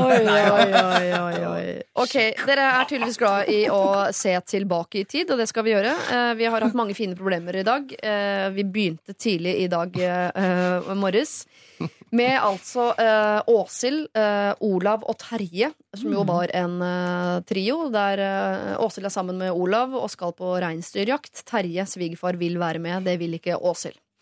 Eh, vi har Ja, Åshild vil være med, men hun vil ikke at eh, Vil ikke seg Terje. Terje vil Mm, ikke, være med, vil ikke ha med Terje. Hun er kandidat til å få en Lørdagsrådet-kopp, bare så dere er klar over det. Mm. Vi har eh, jenta som ønsker å bli inkludert, men som eh, blir ekskludert av Laila og guttekompisgjengen. Eh, så har vi Torbjørn, som lurte på om han skal bli ambulansesjåfør eller bonde. Vi har Niklas, som sliter med å si 'jeg elsker deg' til dama si, men hun sier det hver gang hun drikker. Han er også kandidat til å få en eh, kopp. Så har vi mitt problem, da. Jeg trenger ikke kopp, for jeg henter på rekvisittalageret hver gang jeg trenger. Du drikker Men- kolben ja. Men vi har Frida som deler seng med en venninne som ligger i Stjerne. eh, Fordi, eh, ikke fordi leiligheten hennes er brent ned, antageligvis, men det har den også gjort. Så har vi gnitende Guri som har fått fartsbot eh, når hun var ute på jobb og lurer på om hun kan be sjefen om å betale den. Nei! Sa vi til dem. Eh, så har vi denne eh, Max, tannlegestudenten i Polen, som får masse gaver. Altså egg og slåti av en dame på 58 år. Det er en setning jeg aldri har sagt før. og til slutt er Aina, eh, som eh, holdes våken på kvelden av at eh, de hun bor sammen med, ser på Game of Thrones. Men de som kan få kopp, altså, er Åshild, som ikke vil henge med svigerfar, eller Niklas, som ikke har sagt 'jeg elsker deg'. Hvorfor kan ikke Å, ikke resten? Det som kjører for fort, da? Gnitende Guri. Jeg synes jo det, Hun er så Å, gniten, så hun kanskje må få en kopp. for Hun har ikke råd til å kjøpe eller det vil har du ikke kjøpe kopp. bestemt? Og du er en Å. sånn leder, ja. Ja. Oi. Du, du som kjører for fort, send en personlig melding til meg, så skal jeg få en kopp av Du meg. rapper en kopp på vei ut her, da, eller? Og vi har pengene tilbake. Jeg har sendt T-skjorte på eget, eget eget initiativ her før. Ja, det har Jeg har tatt faktisk. dissens. Ja. Han hadde trippel XL og var dritvanskelig å få tak i. Det er bare Åshild og Niklas som kan få kopp. Mm. Og Niklas hmm. Mm. Skal dere spørre flere ganger om det, eller? Det kan Terje få Hvorfor er det han sånne pleier å- regler nå? Jeg liker å lage regler. At det merket jeg allerede som badevakt på Tøyenbadet. At av og til lagde jeg bare regler. Så sånn, ikke heng på baneskillet. Spurte sånn, hvorfor ikke det? Jeg kan bli vindskjevt. Altså, altså, vi fant på ting. Sånn er det bare. Ja, da da ble jeg nødt til å stemme blankt, for jeg syns du kjørte for fort. Jeg Jeg er helt enig. Jeg vil gi til hun Nei, som nei. ikke blir inkludert i gjengen. Ja. Hun også synes jeg synd på. Ah, det syns faktisk jeg òg. Ja. Ja, for jeg snur når jeg tar feil, nemlig. Ja. Så hvis det er bra. For du er en sånn leder. Da sier vi det. Jeg stemmer på Åshild. Ås. Nei. Åshild? Nei, det var ikke Nei, hun som ble utstøtt. Nei. Nei, jeg vet det, men jeg stemmer på hun allikevel. Du gjør det? bare være motstander av dere. Inkludert hun som ikke blir inkludert. Ja, Som venninna til Laila. Eller, ja. Venninna ja. til Laila, Åshild eller Niklas. Innsender. Ja. Ja, da, blir det jo, da har vi jo på en måte forhåndsbestemt oss, da. Ja, det er det. Ja. Blir det venninna til Laila? Ja. ja. Hun som har vært venninna til Ja, Laila. Som tidligere kanskje ikke er det. eks-venninna til Laila. Mm. Så får jeg jo se på en koppen kan du tenke at dette representerer alle vennene jeg har mista. Ja. Sånn god. Samle tårer oppi der, sånn som John Depp gjorde i sin tid. Den dama hans. I den gode, gode filmen Cry Baby. Dere, eh, det har vært en eh, fornøyelse å ha dere her i dag. Det har vært en fest å være her òg. Jeg har altså ledd så mye. Jeg husker nesten ingenting, for at jeg har vært på fylla siden klokken ni i dag morges. Eh, Tom Stiansen, Sola Kloppen, Einar Tørnquist, ha en fortreffelig lørdag videre. Håper vi ses igjen. I like måte. Takk for meg. Si i like måte. I like måte, da. P3 Dette er Lørdagsrådet på P3. P3